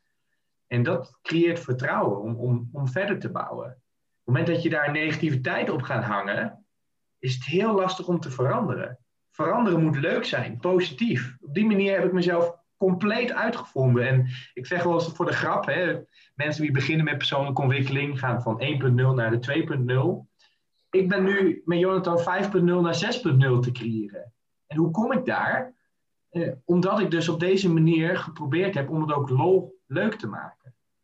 Om positiviteit eromheen te hangen. En in te zien dat stapje voor stapje kom je soms veel verder dan denken ik ga zeven maal laarzen aandoen en ik ga in één keer de top van de berg bereiken. Nee, soms helpt het om eerst bij Basecamp 1 en dan 2, dan 3, dan 4 en dan kun je even uitrusten, dan kun je genieten. Op die manier ben je, voelt het ook een stuk fijner. Ja, wat, wat, ik, wat ik van Tony Robbins heel mooi vond, van, van het uh, online event waar we dan waren, is dat hij zei van, uh, ja, je begint bij nul ergens, dan ga je een stukje omhoog, hè, je gaat leren, je komt op een plateau. En nou, als je je natuurlijk al vergelijkt met iemand die helemaal hoog boven je zit, maar je zit op een bepaald plateau, maar je hebt al iets gedaan. En als je dan terugkijkt, dan zit je niet meer op nul. Je zit alweer op een bepaald plateau. Vandaar ga je weer hoog. En, ga je, en zo kom je steeds een stukje verder. En wij kijken natuurlijk naar die top. In plaats dat we kijken naar waar we vandaan komen. Wat we allemaal al hebben gedaan in korte of lange tijd. Maakt niet uit. Dus uh, ja, in, in, in de clubhuis kwam wel vaker naar boven van... hey, eh, ik ben best wel overweldigd, wat moet ik nou doen? En ik geef het in deze podcast ook vaak aan dat ik elke dag post. Maar ja, zeker niet ook na oefening.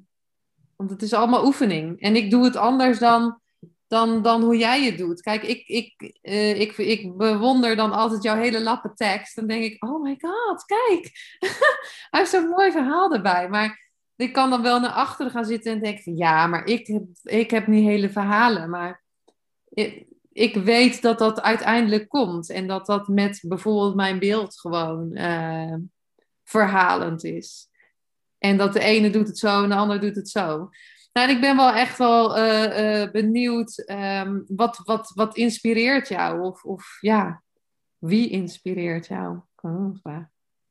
Nou ja, sowieso meerdere mensen. Weet je, ik, ik, ik, haal mijn inspiratie uit verschillende dingen. Dus boeken, mensen die verder dan mij zijn, mensen die dromers. Ik, hou, ik word ook gewoon gereed geïnspireerd die mensen die helemaal opgaan in hun passie.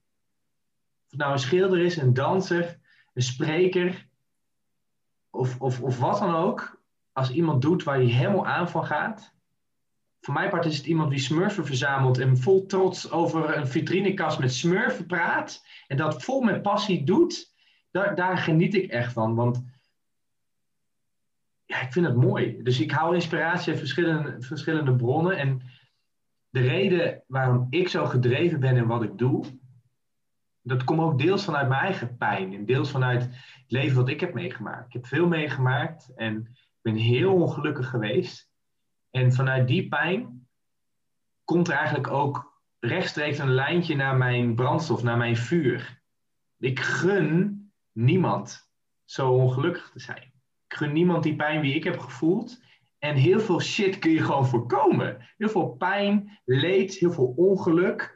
En, en, en je hoeft het zelf het wiel niet meer uit te vinden. En ik zeg ook, leer van mijn lessen, alsjeblieft. Want het is zonde om zelf in die valkuilen te trappen. En heel soms heb je dat nodig om te veranderen, maar het is niet altijd nodig. Je hebt niet altijd pijn nodig om te veranderen. De meeste mensen die ik spreek over persoonlijke ontwikkeling, die, hebben, die zijn naar iets zwaars, een scheiding, een, een gedoe of een ontslag of door een ziekte of iets ergs wat ze hebben meegemaakt. Burn-out, dat is iets wat je tegenwoordig ook veel te vaak hoort. Dat ze mensen tegen de lamp aanlopen, dat ze dan pas denken, dit moet ook anders. Maar jongens, je hoeft geen pijn te lijden om te veranderen. Je hoeft geen pijn te lijden uh, of ongeluk mee te maken om het eigenlijk te realiseren dat het ook anders kan. Je kunt ook kijken naar andere mensen die heel veel positieve dingen doen en, en hun leven op een goede manier uh, leiden, zonder zelf die pijn te hebben. Dus je kunt gemotiveerd worden en, en zo je leven ook veranderen. En ja, waardoor ik dus geïnspireerd word en waardoor ik elke dag opsta, is dus, en dit is iets wat wij ook vaak zeggen, als ik maar één persoon kan helpen, dan is dat het waard. En dat is iets wat ik, wat ik zelf ook. Ja, dat, dat helpt me ook door dit jaar heen te komen om elke dag te posten. Dat ik die lange tekst en dat ik die mensen wil motiveren elke dag. Fucking hell. Ik heb ook moeilijke dagen gehad en moeilijke weken. En dat ik denk, ja, ik weet dat het een 100% commitment is, maar ik heb er toch echt geen zin in vandaag. Maar toch heb ik het gedaan. En wat me dan hielp was die ene persoon. Wat als vandaag heen iemand dit gaat lezen? Als ik één iemand zijn leven kan veranderen. Als ik één iemand kan helpen om pijn, verdriet of wat dan ook te voorkomen. Fuck man, dat is het waard. Want ik doe het niet meer voor mezelf. Deze podcast, hoe leuk ik jou ook vind, Linda, ik doe het vooral. Krijgen we nu? Dit kan ik er nog uit, voor uitknippen. nee. Ik doe het vooral voor diegene wie, wie, wie kan raken met mijn woorden. Wie, wie anders over hun leven kan nadenken, anders beslissingen kan maken. Daarvoor doe ik. Daarvoor sta ik elke dag op. Daarvoor gooi ik zoveel gratis, geef ik zoveel gratis weg. Want dit is allemaal vrije tijd. Alsnog is het het waard. Als ik één persoon kan helpen, is dat het waard. Ja. Nou, mooi. Mooi dat je dat zegt. Dat is ook inderdaad ook echt het doel van mij, uh, deze podcast. Uh, ook gewoon zelf. Hè, dat ik mezelf ook nog wel uitvind. Maar ook uh, ja, dat ik mensen kan inspireren. De bepaalde dingen toen ik begon als fotograaf, dacht ik dat ze allemaal zo waren. En, dat, en hè, weet je, dat, dat die fotografen die daar waren, die hadden geen stemmetjes meer. Die, dat, dat, dat, hè, zulke soort dingen. En ik wil graag ook meegeven, en zeker met degene die ik, die ik spreek, wat, wat, ja, waar iemand vandaan komt, waar iemand nu staat, wat, wat lessen zijn. En dat iemand dat dus gewoon, ja, dat kan, iemand kan, dat kan in, uh, inspireren. En over lessen gesproken, heb jij een, een, wat is jouw belangrijkste les? Ja, ik neem aan dat je er 50.000 hebt, maar als je er één moet kiezen. voor vandaag, één voor vandaag. Kijk, we zijn zo gewend om altijd maar met die buitenwereld bezig te zijn. Dat wij van buiten naar, naar binnen leven. Wat verwachten onze ouders? Zeker als vrouwen. Kijk, als coach help ik bewust vrouwelijke ondernemers. En juist, welke make-up moet ik dragen? Welke kleding? Het moet er goed uitzien. Het moet de perfecte moeder zijn, de perfecte onderneemster. Het is een maatstaf vanuit de maatschappij waar we aan moeten houden. En dat creëert onze gevangenis. Want als je die vinger in je oor stopt, niet van buiten naar binnen leeft het, het, en, en realiseert dat het geen ene reet uitmaakt wat je draagt. Of wat voor moeder je bent. Of, of, of, of wat de buitenwereld ziet als perfectie, eh, wat buitenwereld verwacht van jou als vrouw, wat je ouders verwachten van jou als vrouw, wat de cultuur of geloof, wat dan ook verwacht van jou als mens. Wat wil jij? En die belangrijke les is leer in te tunen op wat jij wilt. Die interne kompas. Dat maakt ons als mensen een stuk gelukkiger. Want de buitenwereld gaat altijd wat vinden. En die buitenwereld die wil jou terug in dat hokje stoppen van wat zij vertrouwd en veilig voelen. Wat voor hun fijn is.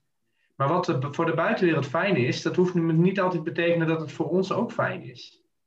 Dat jouw ouders, mensen waarvan je houdt, of eh, mensen wie, bepaalde verwachtingen hebben van jou als ondernemer, of als moeder, als partner, wat dan ook, is dat hetgene wat jij wilt. Voel jij je daar fijn bij? Hoe meer je dus leert te luisteren naar jezelf, hoe meer je dus uit die gevangenis vrijbreekt. Hoe meer je dus jezelf kan zijn. Wat de fuck wil jij nou? Wat wil jij nou? En sorry voor mijn schild, maar wat, wat wil jij nou? Los van wat, wat van jou verwacht wordt als vrouw. Hoe zie jij het als je goede moeder bent? Want al die dingen, wat de externe, de buitenwereld van jou verwacht, soms overtuigen we onszelf dat als, als wij niet goed doen wat de buitenwereld van ons verwacht, dat we dan niet genoeg zijn. Als we er niet goed genoeg uitzien, als we niet goed genoeg kleden, de nieuwste gadget, de nieuwste kleding hebben, niet goed genoeg als moeder zijn of niet goed genoeg als persoon, geobserveerd van de buitenwereld, dan zijn wij als mens niet goed genoeg. Maar het staat los van elkaar. Op het moment dat jij opstaat, ben je al goed genoeg. Voel dat dan. Ga voor die spiegel staan en weten dat jij niks anders hoeft te doen dan daar te zijn. Je hoeft alleen maar te zijn en dan ben je al goed genoeg. En als je dan in dat zijn staat, wat wil jij? Niet van buiten naar binnen. En hoe meer je dat doet, hoe meer je je leert om die vinger in je oren te doen. Die mensen die jou alleen maar kritiek en goed bedoelde adviezen willen geven, die mensen die jou in die gevangenis willen stoppen. Hoe meer je daar durft van af te schermen, hoe meer jij kan kiezen voor jouw vrijheid, jouw versie van vrijheid. En dat maakt jou echt gelukkiger. Dat masker kan af, je stapt uit die cel en, en dan ga je keuzes maken waar jij gelukkig van wordt.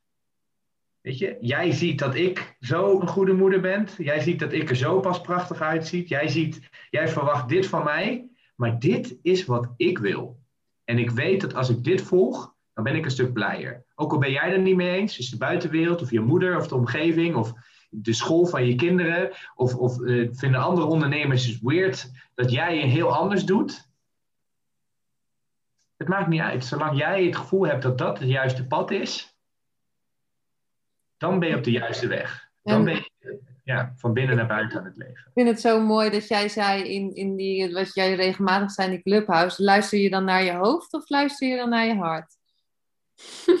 ja, ja. Uit, je hoofd in je hart. Ja, je hoofd zitten al die stemmetjes, die stress, je hoofd zijn, eh, dan zijn die, in je hoofd zitten soms die woorden, die kritiek van de buitenwereld, wie nog doorgalmt. Wie nog, wie nog zegt van, oh shit, moet dat nou allemaal wel? Maar jouw hart, jouw intuïtie of jouw gut, sommige mensen zitten in je maag te zeggen, hè, je, je onderbuikgevoel. Ze zeggen het niet voor niks. Wat zegt dat? Mijn onderbuikgevoel zei dat ik op wereldreis moest, dat ik mijn baan op moest zeggen. Ik moest gaan posten.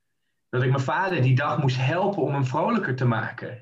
En, en daar ben ik naar gaan luisteren. Mijn onderbuikgevoel zei dat ik, dat ik moest, een onderneming moest beginnen. Mijn onderbuikgevoel zei dat ik moest gaan posten om mensen te helpen. En elke keer als ik mijn onderbuikgevoel uit mijn hoofd in mijn hart ging, bracht het me dichter bij mezelf en maakte het mij automatisch gelukkiger. Weet je, wat zegt jouw onderbuikgevoel? En ben je dapper genoeg om dat te volgen? Want het is heel dapper om dat te doen. En eng. Maar zonder angst is het ook niet meer dapper. Dus die stappen jij kan maken, ja, ik snap dat het eng kan zijn, maar het brengt je wel vast en zeker dichter bij jouw geluk. Dat je die intuïtie volgen, brengt jou vast en zeker dichter bij jouw geluk. Want jouw intuïtie spreekt niet voor niks. En als je die wegstopt, zoals ik dat jaren heb weggestopt, 9 van de 10 keer word je niet echt gelukkiger. En soms krijg je zelfs de, nog een pijnlijke les eroverheen. Dan gaat je intuïtie harder schreeuwen. Kies nou wat anders, want dit maakt je niet gelukkig. Kies een andere partner. Kies een andere baan. Kies een andere, kies, doe iets anders met je gezondheid. En helaas moeten mensen pas naar rock bottom komen, zoals met verslaafden soms gebeurt. Dat is het meest ergste, vreselijke. En als je denkt, nou, dit is erger dan dit kan het niet. Nou, nog erger en nog erger. En dan zit je daar in rock bottom. Eh, zit je daar helemaal kapot. En dan schreeuwt je intuïtie nog harder. Doe nou anders. 9 van de 10 keer gaan mensen dan pas luisteren. Intuïtie is daar niet voor niks. Dat hart van jou, wie, wie zegt, kies hiervoor waar je heel vrolijk van wordt. En als je daar naar durft te luisteren en daar stappen mee durft te ondernemen, weet ik zeker dat jij echt een stuk gelukkiger wordt. En nogmaals, als jij gelukkiger bent, nog gelukkiger voelt en stappen daarin onderneemt, heeft dat invloed op alles wat je doet. Alles. Hoe je in het leven staat, hoe je naar buiten gaat, hoe je gewoon naar de supermarkt gaat. Je bent een stuk vrolijker. Hoe jij tegen jezelf in de spiegel kijkt. Het heeft invloed op mensen in jouw omgeving. Heeft invloed op je kinderen, heeft invloed op, op jouw klanten. Als jij kiest voor jezelf, als jij kiest voor dingen waar jij gelukkig van wordt, ja, dan, dan, dan straal je anders. En als je heel zwevig wil zijn, dan heb je een andere aura om je heen. Je straalt. Dat zeggen mensen ook, hè? Je straalt. weet je, en, en, en, en dat je daarmee soms andere mensen kunt confronteren. Want mensen zeggen ook wel eens, ja, je bent altijd vrolijk en altijd een glimlach. Maar het is gewoon mijn energie. En het is gewoon omdat ik bewust kies waar ik gelukkig van word. En als andere mensen dan, dat ik andere mensen confronteer, dat zij niet zo uh, door het leven heen kunnen gaan zoals ik, ja, dat is hun probleem. Maar zelf weet ik dat ik daar gelukkiger van word. Maar het heeft invloed op alles. En als we nu kijken, want we zijn nu bij Jonathan 5.0. Wat, uh, wat gaat Jonathan... Kijk, ik weet natuurlijk uh, wat inside information allemaal, hè? maar wat gaat Jonathan 6.0? Wat kunnen we daarvan van verwachten? Want ik ben wel benieuwd. Ja, sowieso nog, nog, nog veel meer impact, maar ook veel meer rust. Ik ben heel erg nu in de fase waarbij ik probeer nog meer los te laten, te vertrouwen, minder probeer te forceren. Wat uitermate, uit, uitermate ingewikkeld is. Gaat tegen mijn natuur in, maar anders kom ik ook niet bij Jonathan 6.0 als het niet lastig is. Want elke, elke level heeft een nieuw devil, zoals ik wel eens zeg. En dat is ook als je bezig bent met persoonlijke ontwikkeling. En, en daarvoor moet je soms tegen je natuur in. Maar ik weet dat het goed is. En ja, 6.0 heeft meer rust. En ja, meer vertrouwen. En ik weet zeker daarmee kan ik automatisch ook meer impact maken. Want ja, gebeuren gewoon heel veel mooie dingen. Ik heb twee weken geleden stond ik op een podium in het Delamar Theater. Uh, ik doe uh, mee aan een fantastische uh, ja, tour. Het is een soort van Hollands Can Talent show. Dat heet de Social Impact Tour.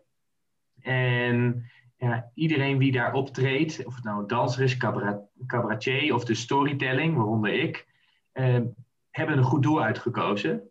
En ja, volgens mij doen er bij de show 50 goede doelen mee. Oh, twee, twee, weken geleden uh, stond ik daar op het podium en ik zette me in voor KWF kankerbestrijding.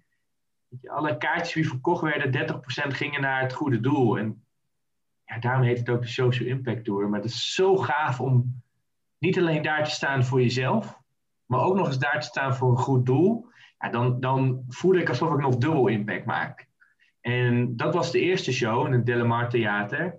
En ze zijn nu bezig om het AFAS Circus Theater uh, af te boeken in september. En misschien staan daar duizend man dan in de zaal. Super. Uh, ja, ik hoop dat ik 6.0 al bereikt heb uh, in september.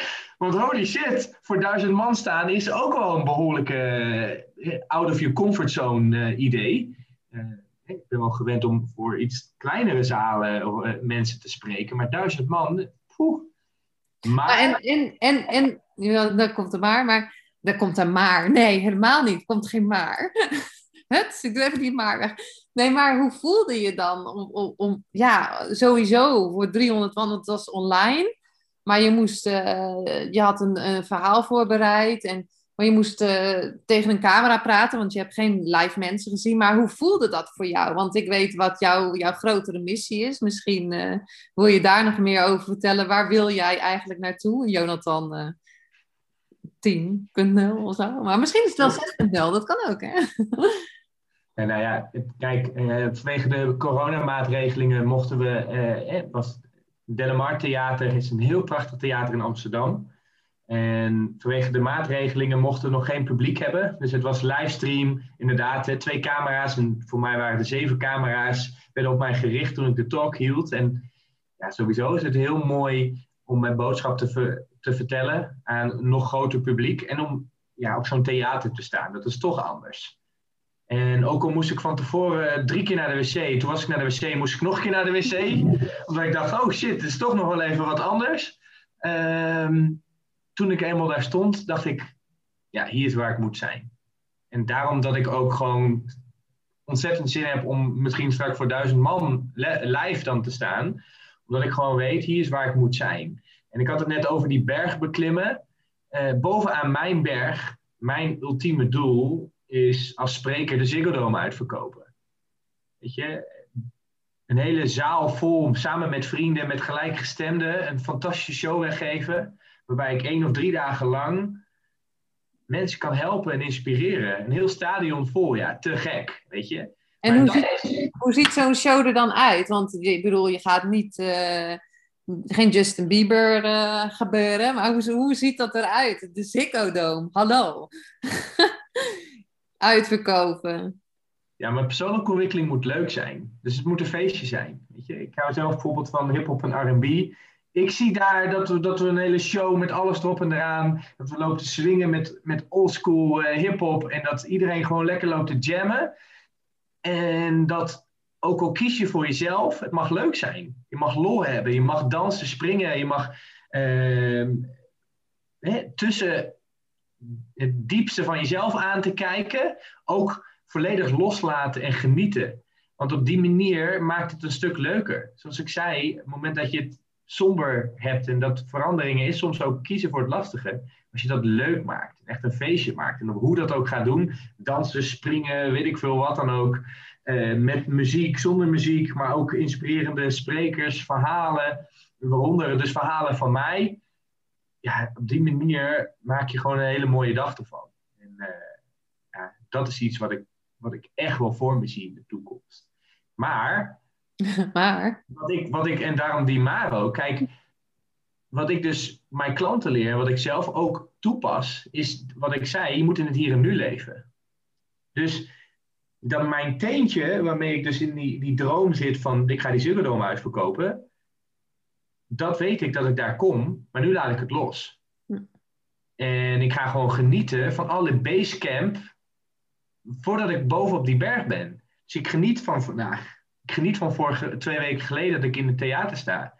En ik ben niet onrustig. Want ik weet dat als ik gewoon dit pad blijf volgen in het hier en het nu, dat ik daar kom. En dat is die rust waar ik ook daarom ook van 5.0 plus 6.0 heel graag wil creëren. Dat je kunt iets willen en daarna het ook loslaten. Tony Robbins zegt ook heel mooi, de hoe moet je loslaten. Je moet gewoon voelen dat het wel goed komt als jij gewoon stappen blijft nemen in het hier en het nu. Want hier en het nu is alles wat we hebben. Hier en het nu is hoe jij je leven kan veranderen. De stress dat je daar nog niet bent, dat zorgt ervoor dat je onrustig wordt in het hier en nu. De dingen dat je in je hoofd gaat zitten wat je gisteren niet hebt gedaan, zorgt ervoor dat je weer niet in het hier en nu bent. Je bent streng voor jezelf of je hebt stress in de toekomst. Wat nou als je gewoon het los kan laten in rust? En gewoon vanuit die rust kan zeggen, en, en ik noem dat innerlijk weten, gewoon in jezelf een innerlijk weten voelen. Dat wat je doet, dat het juist is. En dat je weet dat het goed komt. En dat innerlijk weten cultiveren. Olie op het vuur. Hoe kun je die, hoe kun je die vandaag laten branden? Als jij, iedereen die nu luistert, je hebt die ondernemersdroom. En je hebt voornamelijk ondernemers toch in je podcast? Ja, voornamelijk fotografen, maar ook. Ja. Of je hebt een andere passie, of je hebt iets wat je wil veranderen. Hier in het nu is waar het gebeurt. En, en Gooi die olie op het vuur vandaag. Welk klein ding kan je vandaag doen? En, en laat het dan weer los. Weet je dat het goed komt? Weet je? Ik vind een quote van Tony, en, en we hebben toevallig heel veel over Tony nu. Ik, ik heb heel veel andere inspirators, maar ik vind deze quote heel mooi. People overestimate, underestimate what they can do in a year. Nee, people overestimate what they can do in a year and underestimate what they can do in a decade or two or three. Dus mensen overschatten wat ze kunnen doen in een jaar, maar onderschatten wat ze kunnen doen in 10, 20 of 30 jaar. Weet je, dat jij die droom of passie hebt, of dat je je leven wil veranderen, of je gezondheid of wat dan ook. Mensen hebben haast. Mensen willen het vandaag, de life hack, zo snel mogelijk veranderen. Mensen willen die acht weken dieet. Mensen willen, ik ben nu ongelukkig, ik heb nu de burn-out en morgen wil ik weer rust ervaren. Of ik heb nu een trauma, of wat hetgene ook is wat je wil veranderen. Mensen hebben geen geduld meer. Mensen willen zo snel mogelijk van A naar B komen. Maar 9 van de 10 keer zorgt dat ervoor dat het niet blijvend is. Als jij je leven wil omgooien, dan moet je zorgen dat het deel van jou wordt. Dat het een levensstijl wordt. Dus dat jij nu positief in het leven wil staan, hoe creëer je dat als, als levensstijl? Als jij gezond wil eten of wil gaan sporten, hoe creëer je dat dat dat deel van je leven wordt? Dit, nu, coachen, is deel van mijn leven spreken wordt deel van mijn leven. En dat zorgt ervoor dat ik zorg er gewoon voor dat het groter en meer van mijn levensstijl gaat worden. Ga erin oefenen. Je, hè, het is ook een uitspraak.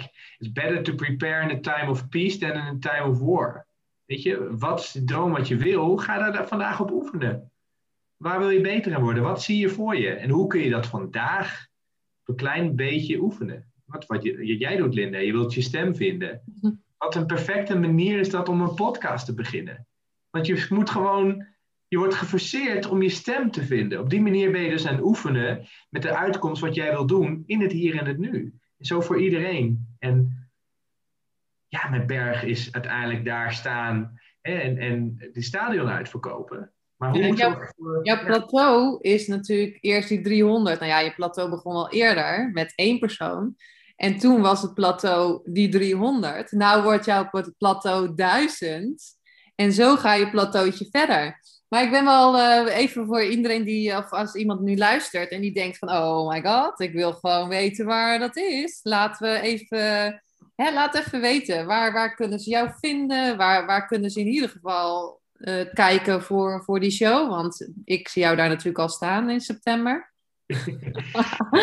Net als die Ziggo want dan zit ik natuurlijk gewoon... Ja, nou ja, waarschijnlijk zit ik op het podium of zo. Nou ja, goed. Dat, dat, dat, dat plant ik nu alvast even. maar ehm, ja, waar kunnen ze het vinden? Oh, waar jij gaat spreken? Nou ja, sowieso, uh, mocht je het leuk vinden, kijk, naast dat je mij hoort spreken, kun je natuurlijk ook goede doelen ondersteunen. Ik vind het zelf ook altijd heel fijn, want het voelt altijd fijn als je iets kan doen voor, voor iemand anders. En zeker als je goede doelen kan steunen, heb je toch wel het gevoel, ah, ik heb even wat gegeven, dat voelt altijd fijn. Dus dat vind ik zo mooi aan de Social Impact Tour, dat, dat naast dat je dus een hele leuke show krijgt, en of het nou livestream is of dus straks in het theater, ehm, ja, ondersteun je dus ook goede doelen. En dat vind ik zo mooi. Dus op socialimpacttour.nl of nee, telltoinspire.nl of .com kun je dus Ehm, kijken naar toekomstige shows. Of je kunt zelfs nog een, eh, een kaartje kopen om uh, de vorige show in het Delamar Theater terug te zien. En um, ja, telltoinspire.com. Uh, daar kun je dus uh, ja, kijken wat er in de toekomst in september gaat gebeuren. Maar ja, je kunt ook nog zelf een ticket kopen voor de livestream. Ja. ja, want je zegt inderdaad heel mooi van het goede doel. En dat is natuurlijk ook mooi, prachtig. Maar wat ik ook denk, is dat, dat je ook gewoon mag zeggen van ik wil mezelf iets geven. Ik wil mezelf, uh, nou ja, goed, die, die, dan, die show geven om dat, daar zelf plezier uit te halen. Of jou, jouw talk te horen over uh, zichtbaarheid of hè, dat masker ik denk ook dat je gewoon mag zeggen: ik wil mezelf gewoon iets geven. Ik, ja, ik ben het waard om dat te krijgen. En daarnaast dat je natuurlijk uh, gewoon iemand anders er ook mee helpt. Um, en kunnen ze dan via jouw social media, want misschien kan je nog even vertellen waar ze jou kunnen vinden, waar ze al jouw teksten, lappentekst en stories en reels en everything kunnen vinden. ja, superleuk. Ja, ik ben ondertussen uh, ja, op steeds meer social media kanalen te vinden. Um, ja, als je gewoon naar freedommotivates.nl gaat, dan kun je sowieso op mijn website kijken wat ik allemaal doe. Mocht je nog meer uh, geïnteresseerd zijn in wat ik doe en wat ik geef. Um, als je naar mijn social media gaat, Freedom Motivates, uh, kun je mij gewoon vinden. Freedom underscore motivates of gewoon Freedom Motivates. Ik ben op, uh, op Facebook, op Instagram, ik ben op TikTok of uh, op LinkedIn. Onder Jonathan Bouter ben ik te vinden. En ehm, ja, op elk kanaal probeer ik bewustzijnzaadjes te planten, zoals ik dat zeg. of het nou via video is, dat ik een raar dansje doe of proberen met een uh, bewustwordingstekst uh, je aan het denken te zetten. Sowieso ga je achter je oren krabben als je sommige teksten van mij ziet, omdat je toch tot aan het nadenken wordt gezet. En, en dat is precies wat ik wil. Ja, mensen tot nadenken zetten, mensen inspireren of motiveren. Dat er meer is, dat er meer vrijheid is. Weet je? En mijn bedrijf is Freedom Motivates, want wat het is, hoe meer vrijheid je ervaart, hoe meer je het motiveert om nog meer vrijheid na te jagen voel jij je lekkerder in je vel uh, qua je gezondheid, dan ga je denken, hé, hey, wat is er nog meer mogelijk? En op een gegeven moment kom je dan steeds meer een verder een punt en een punt. En eerst moet je voor jezelf zorgen. Zorgen dat je zelf het leven creëert, dat je positief denkt. En 9 van de 10 keer gaat die vrijheid geven. Hé, wat kan ik nu voor mijn partner? Wat kan ik nu voor mijn kinderen? Wat kan ik nu met mijn onderneming doen? En op een gegeven moment komt er zelfs nog een kantelpunt als je dan nog stap verder bent. Hé, hoe, hoe kan ik anderen helpen? Met dat punt zit ik nu. Weet je, eerst je eigen dingen regelen, goed voor jezelf zorgen. Op die manier kun je mensen beter helpen. Op een gegeven moment komt er een punt dat je denkt: oké, maar geluk is meer dan alleen ik. Het is meer dan alleen mijn wereld. Hoe kan ik die wereld vergroten en mijn impact vergroten? En in mijn optiek zit daar het echte geluk. En als ik dan mensen kan helpen en, en andere mensen wie buiten mijn cirkel zit ook nog kan helpen, ja, dan ben ik nog net even gelukkiger ik weet niet, dat klinkt heel raar. En als je daar nog in zit, dan moet je nog je eigen... Hartstikke raar, dit. klinkt hartstikke raar. Als je daar nog, als je zelf nog zit, uh, in je, in, klinkt misschien raar als je nog in die ongeluksbubbel zit in je, in je eentje. Maar je zult merken dat als je aan jezelf gaat werken, en als je steeds verder bent en leven creëert waar jij gelukkig van wordt, dat je automatisch van uh, naar jezelf kijken, dat je naar de buitenwereld je gezicht uh, gaat keren. Dat je zegt, hé, hey, wat kan ik voor anderen doen? En weet je waarom ik ook heel graag een groter publiek wil? Want nu denk je alleen maar, oh, ik wil meer geld of wat dan ook. Nou, waar ik achter kwam was, als ik één iemand help, dan help ik meestal uh, één tot drie andere mensen in hun omgeving. Zoals ik, ik, ik coach heel veel vrouwelijke ondernemers met gezinnen. Als ik die, die, die, die moeder, die onderneemster, leer om beter voor zichzelf te zorgen, om gelukkiger te zijn, dan staat dat, dan, dan heeft het invloed op haar kinderen, op haar klanten.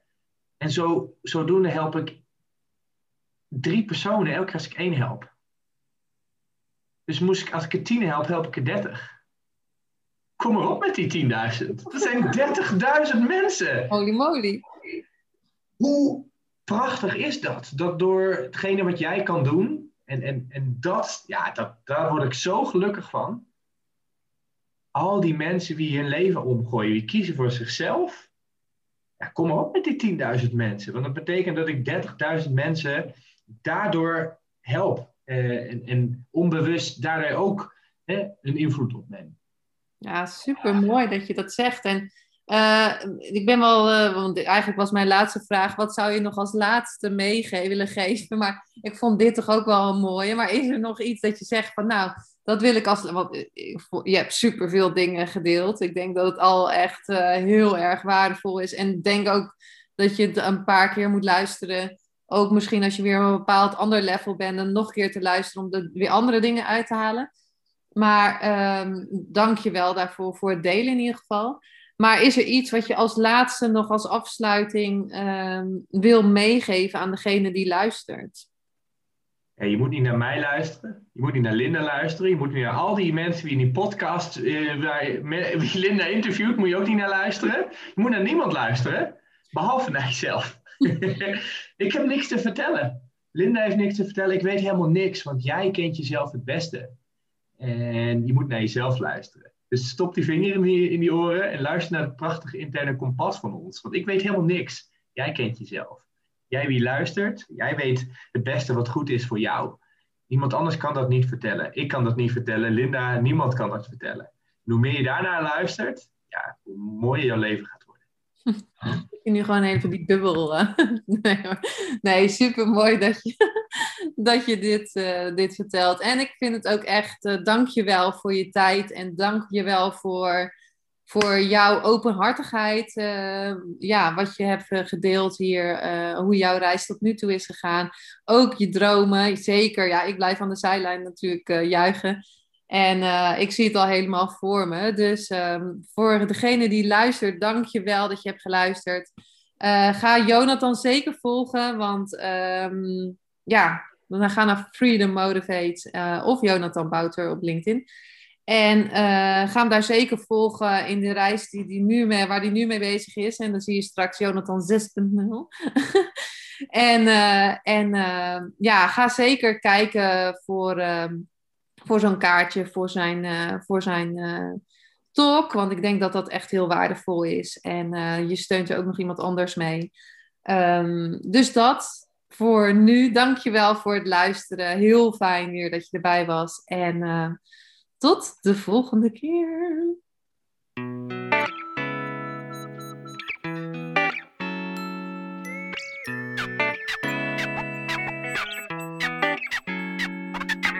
Superleuk en dankjewel dat je weer luisterde naar een aflevering van je Fotografie Business in Beeld podcast. Vond je deze aflevering interessant?